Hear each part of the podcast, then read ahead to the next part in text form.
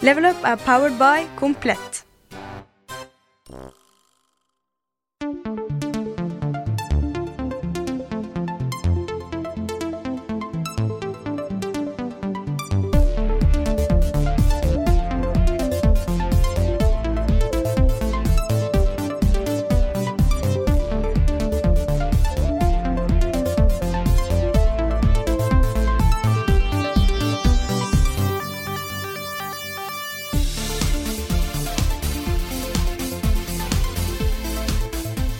Hjertelig velkommen til en helt ny episode av Level Upcast, der vi starter med så, noe så spennende som to veldig triste nyheter i dag.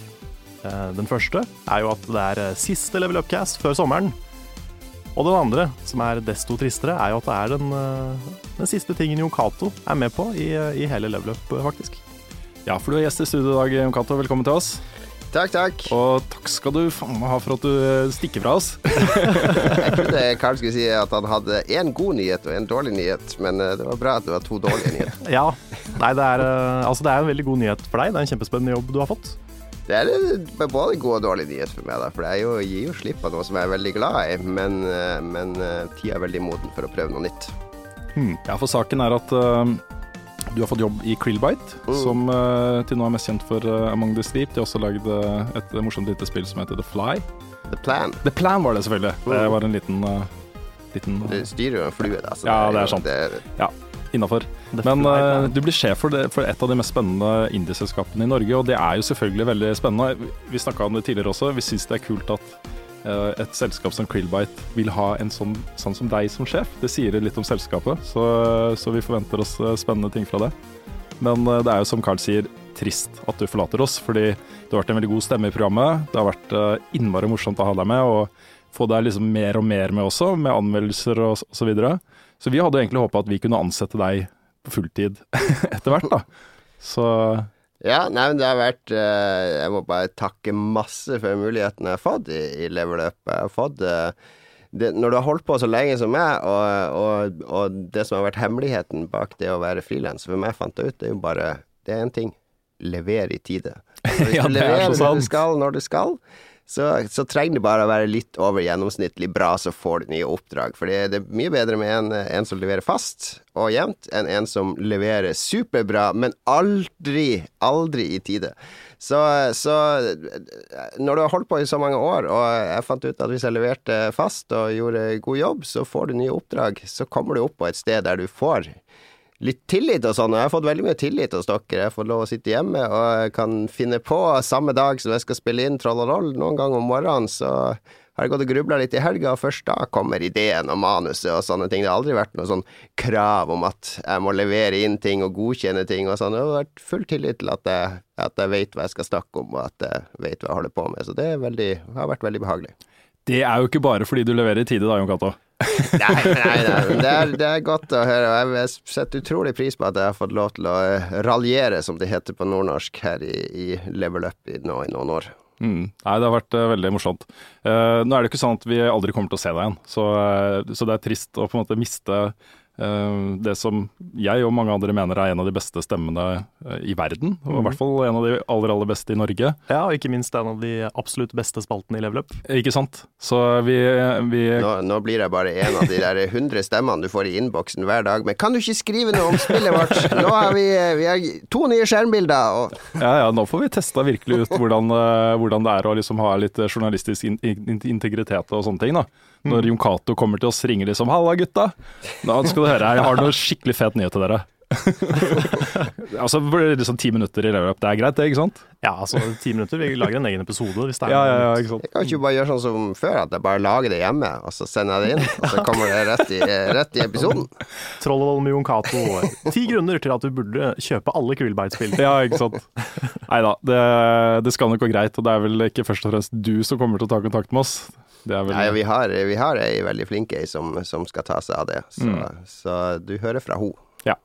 Du var jo ikke med på E3 i år, men kanskje om et år eller to så står du på scenen på E3, og da kan vi vinke til deg fra salen. Og... Mm. Ja, da, hvis det skjer, så lover jeg å ha på meg level up-skjorte Ja, under, Oi, oi, oi. under min scene, sceneopptreden. Enda en grunn til å få laget de level up-T-skjortene. Ja, hvis jeg får lov til å rive den av som Hulk Hogan. Ja, ja, så kult. Det, Og så er det en Pressfire-skjorte under. Nei, det, det er ikke lov å si det. Det er helt greit. Nei, greit. Vi uh, tenkte å gå uh, litt videre, men vi kommer da tilbake til For du skal få lov til å mimre litt uh, rundt hvordan det har vært å være spilljournalist i så mange år som du har vært. Eh, kanskje du har noen høydepunkter du har lyst til å trekke fram og sånne ting. Eh, men eh, vi går litt videre kanskje i denne podkasten, fordi vi kommer jo akkurat hjem fra etere. Det gjorde vi. Og det er jo litt eh, interessant å kanskje snakke litt om. Ja, vi er jo fortsatt litt sånn jetlagga ut av en annen verden, i hvert fall noen av oss. Eh, Men det har vært et veldig spennende E E3. Det var eh, utrolig gøy å være på et etere hvor det ble sluppet mange store nyheter som, som eh, man ble glad for å se. Mm. Eh, ting som man ikke hadde sett før, men som man ble liksom litt glad inni seg. Og så var det, man fikk litt den derre følelsen av at ok, spillmedia, det er noe kult. Det er, liksom, det er noe greier her som, som jeg liker. Istedenfor å bare bli fora liksom med ja, enda et nytt oppfølgerspill til en serie som man har gått litt lei av og, og sånt. Det føltes ganske godt. Du satt jo og fulgte med hjemme du også, Jon Cato. Ja da, det var veldig kult at det ikke bare var sånne, hva heter det, derivativer. Altså, det var ikke bare en ny COD-kopi og en ny Halo-kopi og ditt og da. Det var liksom eh, eh, Når Guerrilla Games skulle komme, så tenkte jeg kommer Killzone 5. Setter deg litt tilbake i stolen, og så kommer de med en sånn Monster Hunter-inspirert eh, pil og bue-Mech-spill som så veldig, veldig kult ut. Altså, det var, det var overraskelse. Det overrasker meg veldig hvor, hvor kreative mange spillutviklere plutselig våger å være. Mm. At det ikke bare følger standardformene. Ja, for det snakka vi også litt om i både eh, episoden og også i de sendingene vi hadde fra Los Angeles. Det føltes liksom som om disse store blockbuster-utviklerne nå begynner å ta litt ansvar for å tilføre noe nytt i spillmediet. Mm. Det var egentlig det som gjorde meg mest glad eh, på årets etere. At eh, man, man turte å ta litt grep, rett og slett. Ja. ja, for det er jo mye Ting har jo tendens til å være litt sånn enspora i trippel A-industrien. Vi hadde liksom I gamle dager så var det bare plattformspill, og så er det bare shooters, og skulle alle spill være brune en periode, og det var liksom Det er sånne trender, men nå, nå begynner det liksom å bli litt variasjon, og det er spennende. Mm. Vi eh, er jo ikke helt ferdig med etere ennå. Vi skal lage en eh, topp fem-liste til neste episode. Vi vi får snakke litt om hvordan, akkurat hvordan vi gjør det. Fordi til neste episode så har vi også en annen stor greie.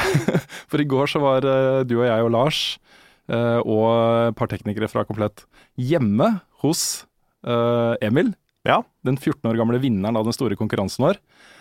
Og for en dag det var. Det var kjempegøy. Det er noe av det morsomste vi har laga i Level Up noen gang, er Ja. jeg helt overbevist over. Ja, jeg er så spent på hvordan den, eh, det innslaget blir. Fordi eh, ja, det der er ikke Det er sånn life Det føltes som det var litt sånn life-changing eh, greie. Jeg tenkte på meg selv, liksom.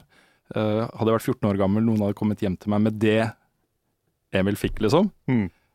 Holy moly, altså.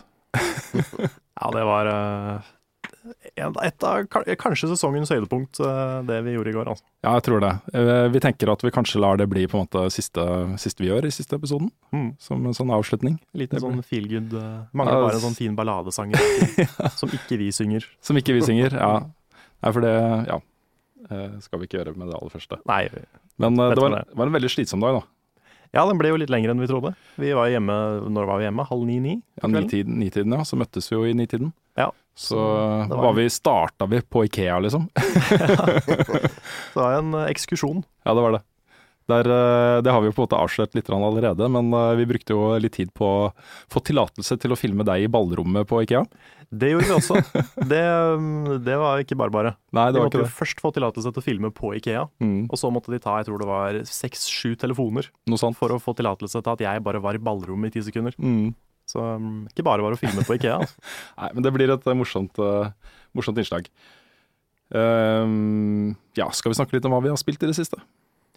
Ja, det har jo egentlig mest spilt på E3, tror jeg. Ja, men vi kan snakke litt om det. Ja. Ja, men Cato, for siste gang, selv om du nå har begynt som sjef i Krillbite, så teknisk sett så, så er du jo ikke spillkritiker lenger. Men du skal få lov til å starte ballet og fortelle uh, om et eh, spill du har spilt, som ikke er laget av Krillbite. Det er riktig. Altså, selv om jeg nå jobber med spill, så jeg har ikke slutta å ha mening om spill. Så jeg kommer fortsatt til å drive med vår, eh, vår strikk og binders-podkast Lolbua. Det fortsetter vi med. Så der, der Da tier jeg heller stille hvis jeg ikke vil snakke om noen ting der. Så, så Mm. får vi se åssen det går. Men det Jeg kommer fortsatt til å mene ting om spill, og det jeg har spilt mens dere var i USA og hygga dere, så spilte jeg noe som heter Yoshis Woolly World, er det ikke det det heter? Det der er eh, garnspillet med Yoshi som kommer i Det er vel ute i Europa nå? I Jeg tror det kom i dag, gjorde det I dag eller i morgen. Ja, ja. I dag eller i morgen. Mm. Den Altså torsdag eller den- fredag. Denne uka i hvert fall. Og det kommer, det kommer ikke i USA før i november. De sparer det der, da. Så nå tror jeg det er mange amerikanere som blir misunnelige på oss, for det er, det er utrolig klasse, klasse, klasse plattformspill fra Nintendo. Altså, Yoshi, det første Super Mario World 2 Yoshi's Island, som det het på Super Nintendo, var jo helt briljant da det kom. eh, Da, da Yoshi skulle bære Baby-Mario på ryggen. Og så kom det noen sånne oppfølgere til det på, på DS som var litt sånn halvhjerta. Du spilte vel de, eh, Carl? Jeg har vært så vidt eh, borti det, i hvert fall. Ja, de, de var ikke så veldig bra, da. Så jeg hadde ikke så store forhåpninger til det. Jeg trodde bare det skulle være det garnet, skulle være sånn gimmick, og at det, at du skulle bare feie gjennom brettene. Og, og, men, men hvert brett er superinspirert. Byr på nye triks. Du har sånne digre laken du går bak, så blir det sånn skygge-Yoshi. Altså det er ting som bare dukker opp i skyggeform, som er usynlig i vanlig form. Og det er masse, masse, masse kule ideer med, med snøballer, og alt er laga av garn og ull. Og det er 2D-plattformsbilder. Og du kan også spille to i co-op, to Yoshier. Og det er bare sånn ren Sånn som du husker de gode plattformspillene fra, fra Super Nintendo og, og gamle dager. Så, så topp, topp VU-spill. Selv om konsollen kanskje synger på siste verset, så er det et spill som Nintendo-fans bør få med seg. Og dermed fikk vi en gratis anmeldelse av Josh, Josh, Josh's Woolly World. Ja, Jo Josh's Woolly World. Josh's Woolly World. Ja. Ja, det er kjempebra. Men jeg så også det skulle komme noen sånne ull-amiboer til det spillet. Ja, det, det spillet har jo Jeg har en del Amiboer, for det har jeg kjøpt. For jeg har tre unger, og de to yngste de elsker Amiboene. Og det er De har en del Skylanders òg, men de er så glatt. Det er sånn glatt plastis, plast. Mens uh, Amiboer, de har mer sånn der eh, ikke ruglete, men det er litt mer friksjon på overflaten, så de er veldig deilige å holde. Så i hvert fall han minste, han sitter og holder de hele tida når han ser på TV og sånn. Da skal han ha Yoshi i hånda og sånne ting. Uh, og Yoshi Woolly World, det, kan du bruke, jeg tror det støtter opp til 40 av de tidligere Amiboene. Så hvis du putter på Mario Amibo, så, så strikkes Yoshi om til sånn Mario-tekstur på han, da. Kult. Akkurat den teksturen er litt creepy. synes jeg. Den er veldig creepy, da. Men det er noen som er veldig kule, sånn eh, Pikachu, for eksempel. Eller Pikachu eller Pacman, de er jo ganske like, da. Da blir han jo selvfølgelig gul. eh, og Vario ser veldig morsom ut. Og eh, Sonic, du kan lage en Sonic-Yoshi. Det er ganske absurd, da, men, men når jeg spiller det, jeg og seksåringen vi spiller Coop, da, og så han treåringen han står der, der med 20 figurer, og så på hvert brett så får han velge hmm, hvem skal Yoshi være nå, og så tar han for eksempel opp eh, Link, og så blir det Link-Yoshi på det brettet, da. Så det er en morsom måte å bruke de Amiiboene på. Det er jo ikke morsomt hvis du er voksen og Det er ikke så mye vits å drive og bytte de Amiiboene, men for, de, for små barn, kjempeartig. Mm. Betyr det at du har signert uh, disse tingene fra Nintendo om å få spille tidlig? Det har jeg det på vegne av hjemme-PC som jeg leverer til, som er seks ukers trykketid. Der signerer jeg alt sånn. Nettopp. Eh, Vi har jo snakka mye om det i programmet og i podkasten, at uh, for oss ble det vanskelig å gå med på de kravene de stiller. Ja, de nyeste avtalene de har, de er, eh, der er det egentlig bare dato, at du ikke Du kan gjøre hva du vil. Ok. Du kan ikke lage strategiguider og sånn. Nettopp. Men eh, det er eh, Jeg er jo ikke noe glad i NDA. På, ute på Krillbite så har vi noe som heter «Frendia». Friendia. så det betyr at her er vi alle venner, så bare se på det du vil, og så sto det på at du ikke gjør noe. Ja ja, det var jo kjempemorsomt, det, fordi vi brøt jo NDA-en på Magne Sleep, så det sang. Ja, stemmer det. Ja. Hva var det for noe igjen? Nei, vi hadde misforstått på når, uh, når den NDA-en var. Så vi smelte jo til med svær anmeldelse, var det et uh, døgn før vi egentlig skulle eller noe sånt? var det ikke klokka seks den dagen? Ja, kanskje det, det kan stemme. Før, det Ja, det kan stemme, at det var samme dag. Vi hadde ikke fått med oss klokkeslettet. Ja, men da følte jeg meg litt kjip, for det var jo en friend, ja. Ja, ja, skal være glad ikke jeg som var leder da. Ja, ikke sant. Det har blitt månedlyst. Nei, men grunnen til at vi, eh, at vi takka nei til tidligspill fra Nintendo, var jo fordi de stilte krav som for eksempel ikke si noe om verden 3 sånn og sånn, ikke si noe om den og den bossen. Det kommer lange lister ikke sant, med ting vi ikke Ja, du, kan, du kan se på det nå til høsten, kan du ta en revurdering. Fordi de nye de begynte med nå i fjor høst, der er det, det er med helt sånn generell MDA, da, Nettopp. som ikke er så spesifikk. Men de er delt opp i to, da, for du, du får lov å bruke koden til preview til den datoen, og review til den datoen. Så får du det veldig tidlig, da. Du får det liksom en måned før release. Nettopp. Og i preview så er det sånn ikke si noe etter verden ditt og datt, mens i review så er det bare kjør på. Ja, ok. Greit. Nei, men da, da har det jo endra seg. Jeg, jeg ba jo Inga-Britt om å si fra jeg, når det endra seg, men jeg har ikke hørt noe fra Ja, det har jeg sagt fra til hver gang. Jeg sier til dem at de er idioter og greier og greier. Men, men som sagt, jeg har, hatt, jeg har vært frilanser, så jeg har ikke bare laga for dere. Jeg har laga for FHM og hjemme-PC og flere sånn Egmont-blader der det er veldig, veldig lang trykketid. Og der er det pri én er at det skal være aktuelt. Og da Ja. spør jeg de ser jeg må gå med på det her. Kjør på, sier vi. Greit, da tar vi en telefon til Inga-Britt i august, og så ser vi om vi skal revurdere, Carl. Yes. Det er jo det er mye interesse for Nintendo-spill, Mm. så det er jo det har jo vært litt kjipt å være liksom så seint ute med anmeldelser. Ja. Det er fordi det, det her skjedde jo etter liksom ja, sted mellom sju, åtte og ti tilfeller hvor vi fikk tilsendt eh, NDA-er som vi ikke kunne si nei til. Mm. Nei, ikke kunne, kunne si ja til, selvfølgelig. Ja, de var helt ville rett etter VU ble lansert. Ja. Altså, da var det helt syke Spillet hadde vært ute i to måneder i USA, og så kunne du ikke snakke om hvordan de så ut etter Verden 4, liksom, i din anmeldelse. Det var, det var Eller ta opp video. Egen video var også noen av de. Ja, var sånn. stemmer det. var, Nei, men de har eh, skjønt Det er jo, tysk, det er jo Nintendo Tyskland som styrer det her, og tyskere er veldig glad i regler og lange lister og restriksjoner og sånn, men de har fått så mye kjeft for det at de har mildna litt opp. Det er bra, for det hadde jo vært hyggelig å ja, vært Ja. litt mer aktuelle på Nintendo-anmeldelser. ja, det var ikke noe tvil om at vi måtte si nei, som vi gjorde. Mm. Uh, Ja, men, så uh, Splatoon, for, for så vidt, den sa jeg nei til, men det var fordi at all spilling skulle foregå på sånn lukka med Nintendo-folk, ikke sant, fordi det er online. Og da, det har jeg dårlig erfaring med, fordi da blir det Det gjenspeiler ofte ikke den ferdige opplevelsen. Ja, det er sant. SimCity og sånne ting. Mens Mm. er det alt annet siden februar tror jeg har vært ganske streite. Nettopp. Det ble veldig internt. Ja, det blir internt. Ja, men det er interessant, uh, interessant allikevel. ja, da vet dere litt mer om hvordan en spilljournalist hverdag eh, foregår. Når det Jeg gleder sånn meg til å lage NDA i mitt nye selskap. Det skal være sånn, det er ikke lov å, å drikke solo mens du spiller. Det skal Ah, være helt sånn spesifikke ting. Ja, ja, ja. Altså en liste med ord du ikke kan nevne i anmeldelsen. Det skal bare være sånne veldig sære fremmedord som ingen spilljournalister noen gang har brukt. Ludonarrative dissonance og sånt. ja. Antall ganger du kan nevne ordet aardvark i anmeldelsen? Ja. Tre. Ja. Og du må nevne revolusjon et par ganger. ja. Det er litt morsomt, for det hadde jeg og eh, Snorre, i- han som var i Dagbladet før. Vi hadde en sånn greie i noen måneder der vi ga hverandre fem ord som vi skulle ha i hverandre sine Oi, så anmeldelser.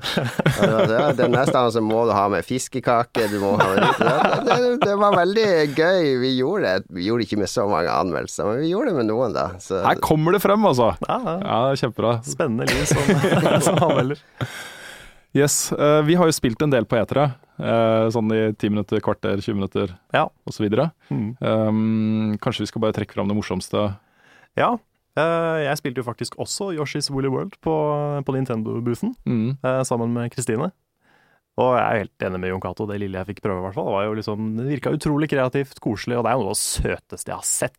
Sånn, spesielt den lille Amiboen. Mm. Jeg vet ikke om jeg kommer til å bruke den, men jeg vil ha den for det, for den er Mm. så fin. Ja. Så um, ja, veldig godt inntrykk av det. Eh, og så fikk jeg spille litt eh, F-Zero. Nei, ikke F-Zero. Uh, Star Fox. Oh, skup, skup! Ja, Nå, kom, Nå nå kommer ringer. Nintendo. Ja, ja, nå kommer det fram. Ikke F-Zero, det fins ikke ennå, men Star Fox. Mm. Eh, Star Fox Zero, er det ikke det? Ja, det var der, Ja, det er derfor- kom- kom- det var derfor jeg surra. Ja. Er, ikke, er det en remake av, av, av Star Fox eh, 64? Jeg eller? tror ikke det. Jeg tror det er, en, altså det er vel det de kaller en reimagining. Ja, Hvor de Mm. liksom, det er nye missions, nye settinger, ny dialog, ny story. Men Mm. Det er vel basically bare en, liksom, en ny Star Fox. Ja, inspirert av uh, Star Fox 64. En reboot, kanskje. Ja, noe sånt. Ja. Mm. Tilbake til røttene, som alle skal. Ja, alle skal jo det. Var det noe Det ser litt sånn plain og var jo Jeg kjedelig. syns Ja. det ser dritkjedelig ut. Ja. Altså, jeg syns ikke det var kjedelig å spille, men uh, det ser jo litt sånn tomt ut. Det er mye bare sånne grønne planes uh, så langt du Mm. kan se, og det er ikke så mye som skjer på skjermen, på en måte. Men jeg syns det var gøy å spille. Det var vanskelig, fordi du, du styrer liksom både retninga du flyr, måten du tilter flyet på, og måten du sikter på, med tre forskjellige styremekanikker. da. Så du har liksom gyro i gamepaden, og du har øh, venstrestikka for å styre, og høyrestikka for å liksom tilte skipet. Mm. Så det er mye på en gang. Men, øh, men det funker. Det tok ca. fem-ti minutter, så var jeg i hvert fall halvveis inn i det. Mm. Og jeg tror det kan bli gøy, altså. Ja. Det er øh, tidlig å si, men det jeg fikk spille, var liksom lovende. Men når vi først er på Nintendo, fikk, fikk du prøvd det der eh, Zelda Totem-spillet? Nei, det fikk jeg ikke prøve. For det er jo altså, Mange som ble skuffa over ah, skal vi få en sånn Selda i stedet for den andre. Men et av mine morsomste Selda-miner er jo eh, Four Swords Adventures på Gameboy kobla til en GameCube. Mm. Der vi var fire stykk i kjelleren til Spiderman en gang. Det var fireplayer, Coop-Selda. Så var det ultimate kaos og samarbeid, og så morsomt. Vi spilte i tolv timer i strekk. eh, Vi, vi var fire stykker på Spiderman, og det, vi lå på gulvet og lo av, av enkelte scener i det spillet der. Så, så det gleder jeg meg faktisk veldig til. Mm. Ja, det så morsomt ut. Det, det gjorde det. Ja. Nei, vi vi snakka litt om det, fordi alle var jo skuffa etter Nintendo-pressekonferansen. Ja, klart. Eh, men når man liksom går gjennom alle de tingene de viste fram, så er det jo helt opplagt spill der som kommer til å være veldig morsom å spille. Mm. Så det var ikke helt gærent. De bare hadde ikke noe eh, krutt. Og så, så kommer du jo i kjølvannet av de der eh, speedbåtene som kom før Sony og Microsoft og Betesta og alle de andre, som bare kasta ut eh, ting som, som folk sto og grein på scenegulvet av å få se. Så det er jo klart at da skal det litt å leve opp til, eh, til det som har skjedd allerede. Ja, det er sant. Mm. Hoppe etter Wirkola, er det ikke det? Noe sånt? Jo, det, Jo. det gjorde de virkelig. Det gjorde det. Jeg kan jo eh, nevne kjapt, jeg spilte jo noe annet som ikke var Nintendo også. Eh, Assassin's Creed Syndicate, blant annet. Og eh, det er veldig skummelt å si noe som helst om Assassin's Creed før det kommer ut, som vi så med Unity, men, um, men det var jo den der nye grappling-hooken var jo faktisk ganske stilig. Mm. Det var sånn, det, det føltes som liksom en, en greie som kommer til å forandre ganske mye, da. Mm. For nå er det liksom, du trenger ikke lenger å klatre opp en bygning, du kan bare trykke på L1, og så bare zipper du opp. Det er sånn Batman-mekanikk. Mm. Så det kan bli kult. Det var jo buggy som de pleier å være, de spilla. Men uh, kan jo håpe at det er en midlertidig greie, at de faktisk fikser spill og gjør det ferdig før de gir det ut den gangen her. Mm. Men uh, så er jeg litt sånn, nå jeg var ikke gira i det hele tatt, nå er jeg litt sånn cautiously optimistic, som det så fint heter. Ja. Og så skjedde jo det som alltid skjer på E3 og på sånne events. At det står en fyr og liksom med henda i kors og ser på mens jeg spiller, og jeg blir så stressa av det. Ja, det er forferdelig stress. Hater det. Ja. Det er sånn, Jeg blir så redd for å finne en bug eller gjøre noe feil, for at de skal liksom bare komme bort og liksom Ja, Mm. for de ser litt skumle ut. De er litt sånn svære, svære folk. Ja, det, det er liksom, jeg er ikke så veldig glad i å spille ting på etere, fordi du er så fjernt fra den settingen du vanligvis eh, spiller i. Mm. Uh, og du føler det presset på deg. Det er, om ikke det er en eh, representant fra utgiverne eller utviklerne som ser på deg, så kanskje det kommer noen andre og ser på deg og føler deg sånn Du skal sette inn et helt nytt kontrollsystem og Ja. forstå spillet på ti minutter, liksom. Du gjør jo ikke det. Så det gir sjelden veldig godt inntrykk. Det, det gjør det hmm. ikke. Men uh, jeg spilte jo The Division uh, en stund. Og det er jo et spill som, som jeg har vært veldig veldig spent på, fordi det gikk ut med så utrolig høy køl- kølle. Uh, folk ble supergira på det. Og så forsvant det litt. De gikk litt tilbake, ikke i tenkeboksen, men de skjønte at de målene de hadde satt seg ikke var mulig å nå og sånne ting. Så de gikk litt tilbake og begynte å utvikle nye systemer og sånne ting. Så nå var det på en måte tilbake endelig, og det å få spilt det var, eh, var eh, veldig kult. Og det jeg må si om det, er at det rett og slett bare funker. Eh, Mm. det er Jeg har jo blitt litt glad i eh, kombinasjonen rollespill og skytespill det siste året. Har du det? Jeg har det. Ja. Eh, men dette har jo på en måte en, en eh, jeg tror litt mindre um, crack-lignende rollespillgreie. Ok. Men hvor det har litt persistence. Hvor, du, hvor ting du gjør i denne verdenen her, blir med deg videre og blir en del av den rollefiguren du har og den rollen du har i dette universet. da. Det er mer hasj enn crack. Kanskje. Ja. ja, vi skal, vi skal unngå å klassifisere dop i dette programmet. Ja, det kan kanskje. Ja, men øh, men jeg, jeg liker den, øh, det den type mekanikker tilfører til en sjanger jeg er veldig glad i. Fordi du blir mer investert i den verden. Jeg spekulerte jo litt i om det var derfor at det ble blitt så utsatt at det Destiny kom, og så tenkte la oss gjøre litt mer sånn som de gjør. Det kan godt tenkes. Vet, vet du hva, Jeg tror at det er veldig mange utviklere som sitter på store skytespill nå som tenker akkurat det. Fordi det er ingen tvil om at uh, Bungie og Activision her har lagd en pengebinge som eh, folk er villige til å betale ganske mye for. Og du ser jo nå med de tingene som lanseres, med promotions med Red Bull og eh, masse forskjellige samlepakker av neste utgivelsen og sånne ting som er skapt for å generere inntekter. da. Eh, og bare tenk hvor mye de har tjent. 18 millioner solgte spill, Ja. pluss DLC-inntekter og alt det der. Nå sitter Ubisoft på telefonen til Coca-Cola og bare Ja. ja. Nei, det er øh, Ja. Det, det kommer til å skje mye der. Ja. Men jeg er, jeg er veldig optimistisk til The Division nå. Eh, Ja. Det virker som et eh, Det er bra. Jeg har helt slutta å bry meg om The Division i det hele tatt, for jeg føler det, det du snakker om med høy kølle Er det sånn seksuelt? Ja, jeg har reagert litt på høy Nei, kølle. høy kølle er et vanlig uttrykk, folkens. Det Ja, men kom- Ja, men det betyr jo Det- det- ereksjon. Nei, men du går med en, høy, en kølle høyt der oppe. Liksom. Jeg har, ba, jeg har bare hørt det i ereksjonssammenheng. Ja, er fordi jeg tenkte på det som ereksjon. Du går med høy kølle, og så går det så lang tid før du får brukt kølla til noe. Da begynner Jeg den tror vi skal gå videre. jeg tror vi ser skal for meg gå at du går og videre. strutter nedover gata. Ja, det er kanskje starta som noe seksuelt, men, det, men eh, det kan bety noe annet. Ja, Ja. helt sikkert. Ja. Mm. Men når du spilte Division, snakka du sånn som de skuespillerne på presentasjonen til Ubisoft? Nei, var, Der var vel det Rainbow Six som var verst. Hvor Ja, de hadde sånn callouts og sånne ting. Ja, men i år også. Var, de, var det i år også? Ja da, det, de var der i år også. Ja, okay. Jeg tror du blander litt, men eh, de Nei, hadde, det, men det var det Division ja, de hadde tilsvarende, men ikke fullt så ille som på, på Rainbow Six eh, Jeg Siege. det er ille uansett. Ja, det er ille uansett.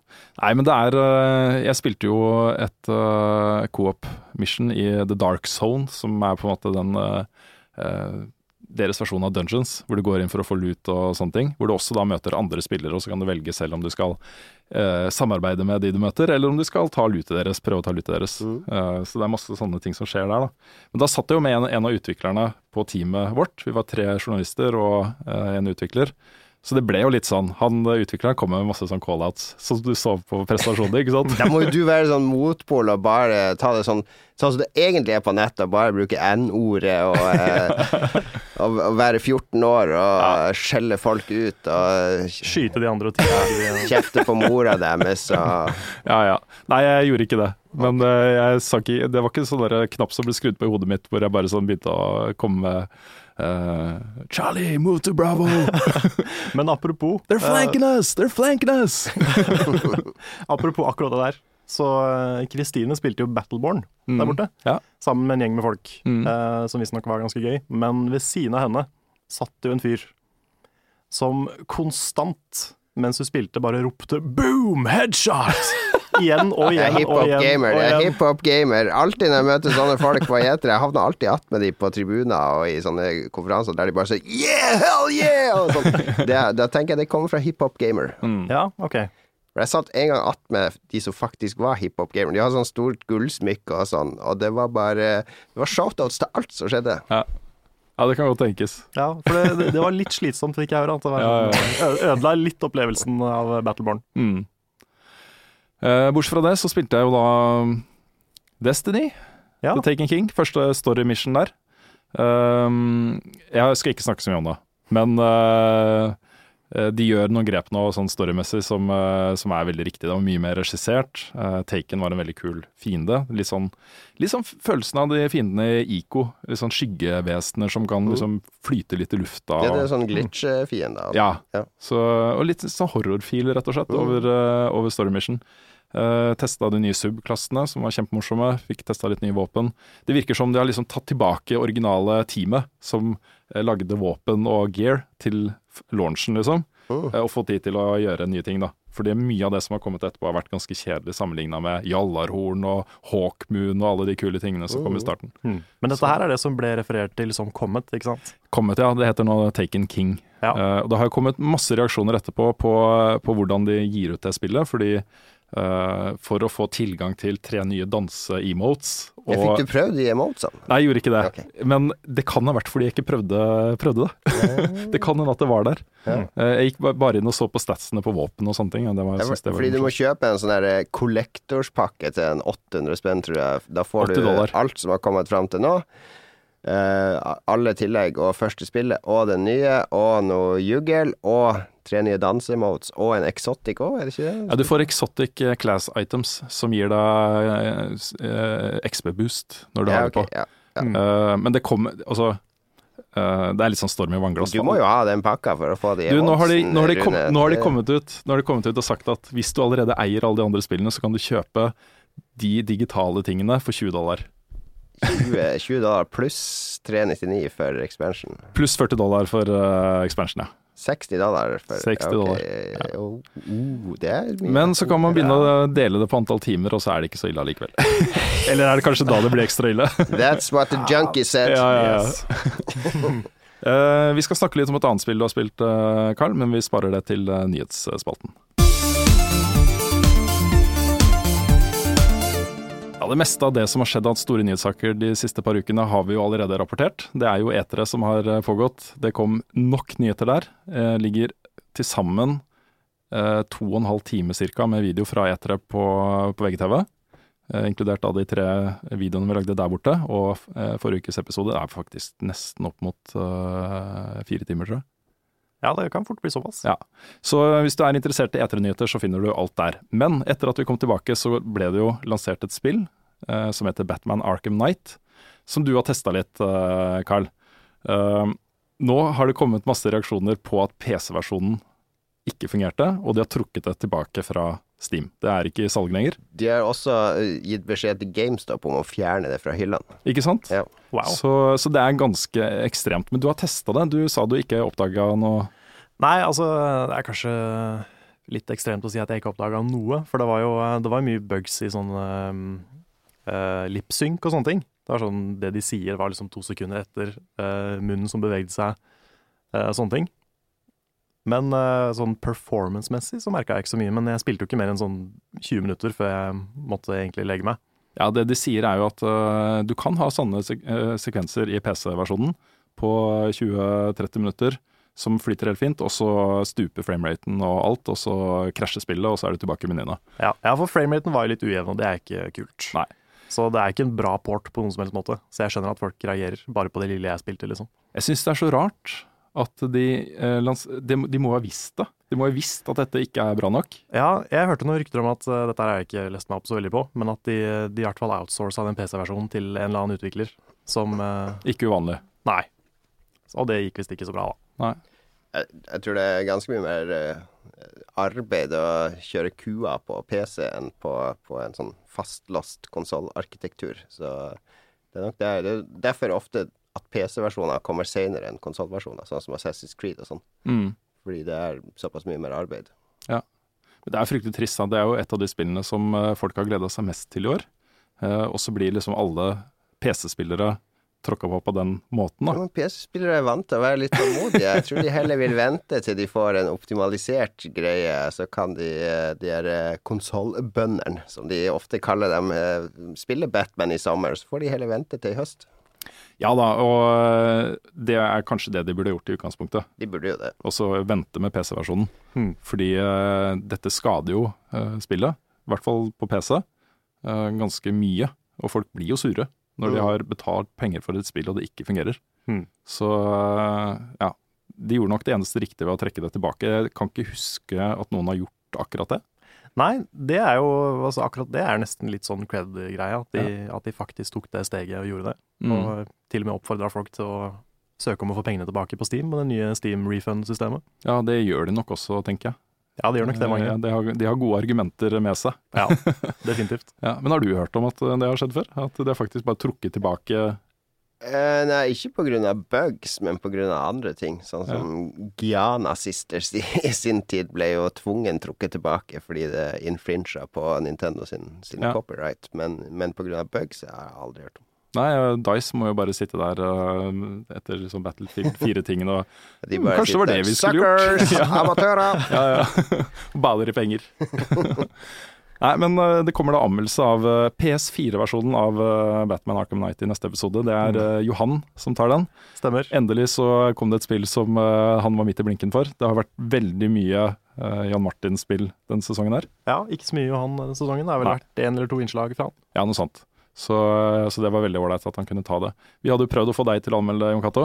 Det ble bare kaos. Du var, du var eh, nok eh, i seneste laget ute, fordi når det var på tide å få kode og sånn, så var vel hele Warner på E3, og da var det ikke mulig å få noen i, hos Warner i USA til å reagere og, sende over de greiene. Ja, så mye tid jeg brukte på å få faksa de tingene og sånt. Det verste var jeg snakka med, med en annen eh, redaktør for et spillmedie som de fikk Batman og klarte det i tide, da. Men han hadde hatt uh, nedlastingskoden til Batman liggende i spamfilteret i en uke, da. Oh, ja. Fordi, fordi spamfilteret trodde den mailen fra USA var, var spam. Nettopp. Så hadde jeg mast og mast og mast etter en kone. Ja, vi har sendt den, vi har sendt den. Og så endelig fant han den i spam-filteret. Ja, det er, eh, det er koselig.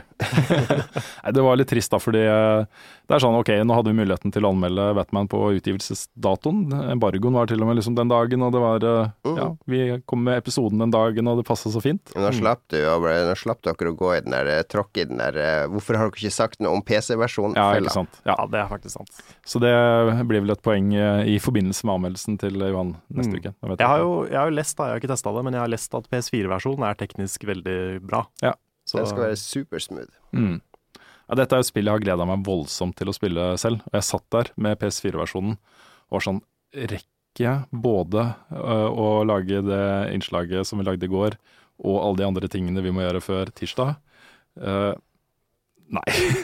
jeg gjorde ikke det, dessverre. også, for det hadde vært et morsomt spill å anmelde. Mm. Jeg tenkte jo litt det samme med Yoshi denne uka her. Jeg har Ja. lyst til å anmelde det, men eh, så er det Det var greier i går, og det er greier i kveld. Mm. eh, og i morgen skjer det ting, og på lørdag og søndag er det Desicon, så det er liksom Ja. Jeg har rett og slett ikke tid til å anmelde denne uka her. Nei, og vi skal jo ha en eh, Q&A på Desicon. Det skal vi på lørdag. Mm, på lørdag. Vi vet ikke helt klokkeslett ennå, men eh, følg med på Desicon Plan, Ja. så skjer det ting der. Ja, jeg prøver å få tid til å komme innom der. Kanskje ta med meg dattera mi og Ja. sånn som sist. Sist hun var der, så ble hun fryktelig redd av alle de eh, menneskene som hadde kledd seg ut som dyr. Ja. Det syntes hun var veldig, veldig skummelt. Mm. Så hun har snakka om det ett år. Eh, pappa, husker du han, eh, han som var kledd ut som rev og sånt? Oi. Så eh, jeg tror hun er litt klar for å møte, møte den greia igjen, nå som hun har blitt større og Ja, liksom klart. Ja. Må, må face sine fears. Ikke sant? Så eh, Jeg syns det er skumlere med dyr som kler seg ut som mennesker. Det er ganske ekkelt. Men det, er, men det er noe med mennesker i masker. Eh, jeg, Mm. har litt, jeg har litt den, jeg òg. Ja. Jeg er ikke noe, skal ikke dømme folk som bruker masker på diskoen, det er helt greit. Men eh, for min del så er det sånn Jeg merker jeg blir litt sånn Det er litt ubehagelig å ikke se hvem jeg snakker med, mm, det hvis, de, hvis de prater til meg, liksom. Det har jo vært liksom folk som har creepa seg litt opp til oss når vi har filma der og sånt. Det har jo det. Det var blant annet eh, en gang når vi hadde sånne live Let's Play, Bjørn og jeg. Så var det jo folk som sto oppe rett bak oss og gjorde ingenting i en time. Mm. Det var litt ekkelt. Ja. Jeg må innrømme det. Det, I maske og sånn. I maske. Ja, For jeg tror også når du får på deg sånn maske og drakt, så, så slipper du deg litt mer løs og går inn i en sånn rolle, ikke sant? Du Mm. blir, mm. mister litt hemninger. Man gjør det. Mm. Det kan jo være en fin ting, det òg. Jeg husker jo en, i, husker den gamle Batman-TV-serien, den fra 60-tallet. Den gikk jo på NRK på slutten av 80-tallet. Og så plutselig ble den tatt av lufta, og det var fordi en gutt i en barnehage hadde lekt Batman og løpt ut. Trodde han skulle fly over veien, og så ble han påkjørt av en bil, da. Så da Ja. tok NRK den fra For jeg tror når du tar på deg kappe, det husker jeg da jeg var liten, jeg tok på meg kappe, så en liten del av meg trodde jeg kunne fly som Supermann, men, eh, men eh, ja. Det, det er mye makt i kostymet. Mm. Nei, ellers er Den største nyheten fra siste uka er jo at uh, Jon Cato Lorentzen slutter som uh, spillkritiker og blir sjef i Krillbite, og det har vi allerede snakka litt om. Mm. Uh, det skal vi også snakke litt om etter den lille pausen, for det har kommet inn noen spørsmål om akkurat det.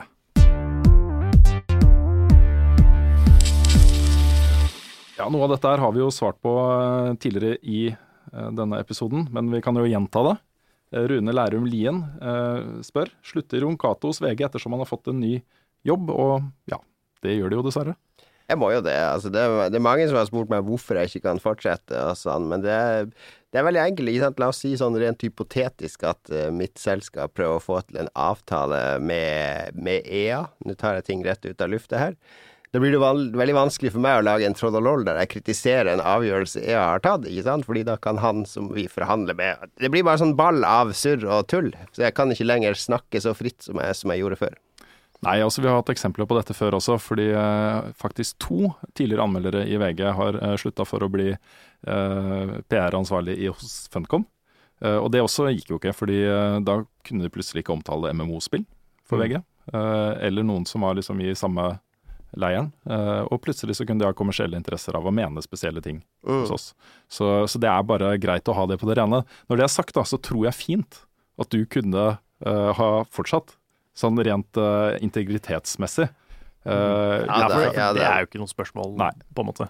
Nei, nei, altså, og jeg har jo vært veldig klar på min rolle og min stemme. Og for å, altså Den eneste måten å, å, bli hørt på og bli trodd på, det er at du alltid er ærlig, og det har alltid vært. ikke sant? Så Det vil, vil jeg jo ikke slutte å være. Men det er litt for min egen del òg. Altså, jeg må Jeg har strekt meg veldig Jeg har hatt veldig mye eh, på gang de siste årene, og nå vil jeg gjerne fokusere 100% på å bli veldig, veldig flink på det jeg skal gjøre, nemlig å drive det studioet. Mm. For veldig mye som har med presseetikk å gjøre, handler jo om teoretiske situasjoner, ikke nødvendigvis hvordan ting ville vært i praksis. Eh, og For min del og for vår del så er det jo veldig greit at VG har veldig klare regler på de tingene. At ikke det skal være noen tvil om eh, hvor man står, eh, eller hvorfor man mener det man gjør. Så dessverre blir det sånn. Sånn er det. Ja. René Bjerknes Olsen lurer på om vi kan lage en, en Troll og Loll Best of slash tribute til YouTube-kanalen. Og det har vi jo snakka om. Det har vi. Ja. Det kom i hvert fall eh, Vi har jo nettopp eh, kommet tilbake fra å filme en liten sånn eh, avskjedsgreie på VG-taket, mm. som kommer i neste episode. Vi skal også klippe sammen en sånn liten montasje, i hvert fall, ja. til siste episode. Som Absolutt. helt sikkert også kommer på YouTube. Ja da, for det må jo markeres. Med litt sånn trist musikk og full pakke. altså, det er ingen begravelse. Nei, det er jo ikke det, men det, men det er trist, Jon Cato. Det er trist for oss, altså. Det er, det er det. Så, så det, må, det, må, i hvert fall markeres på et ja, vis. Vi mister noe veldig verdifullt i programmet vårt, rett og slett. Fridtjof Nikolai Wilborn lurer på, uh, nå som Jon Cato forlater skuta, har dere noen planer om erstatter for Trollhall? Høydepunktet i Level Up er den spalten og introen deres der dere gjør merkelige sketsjer, sier han. Så vi, vi har jo for så vidt det. Vi, vi ønsker jo fortsatt å fylle den funksjonen du har hatt i programmet.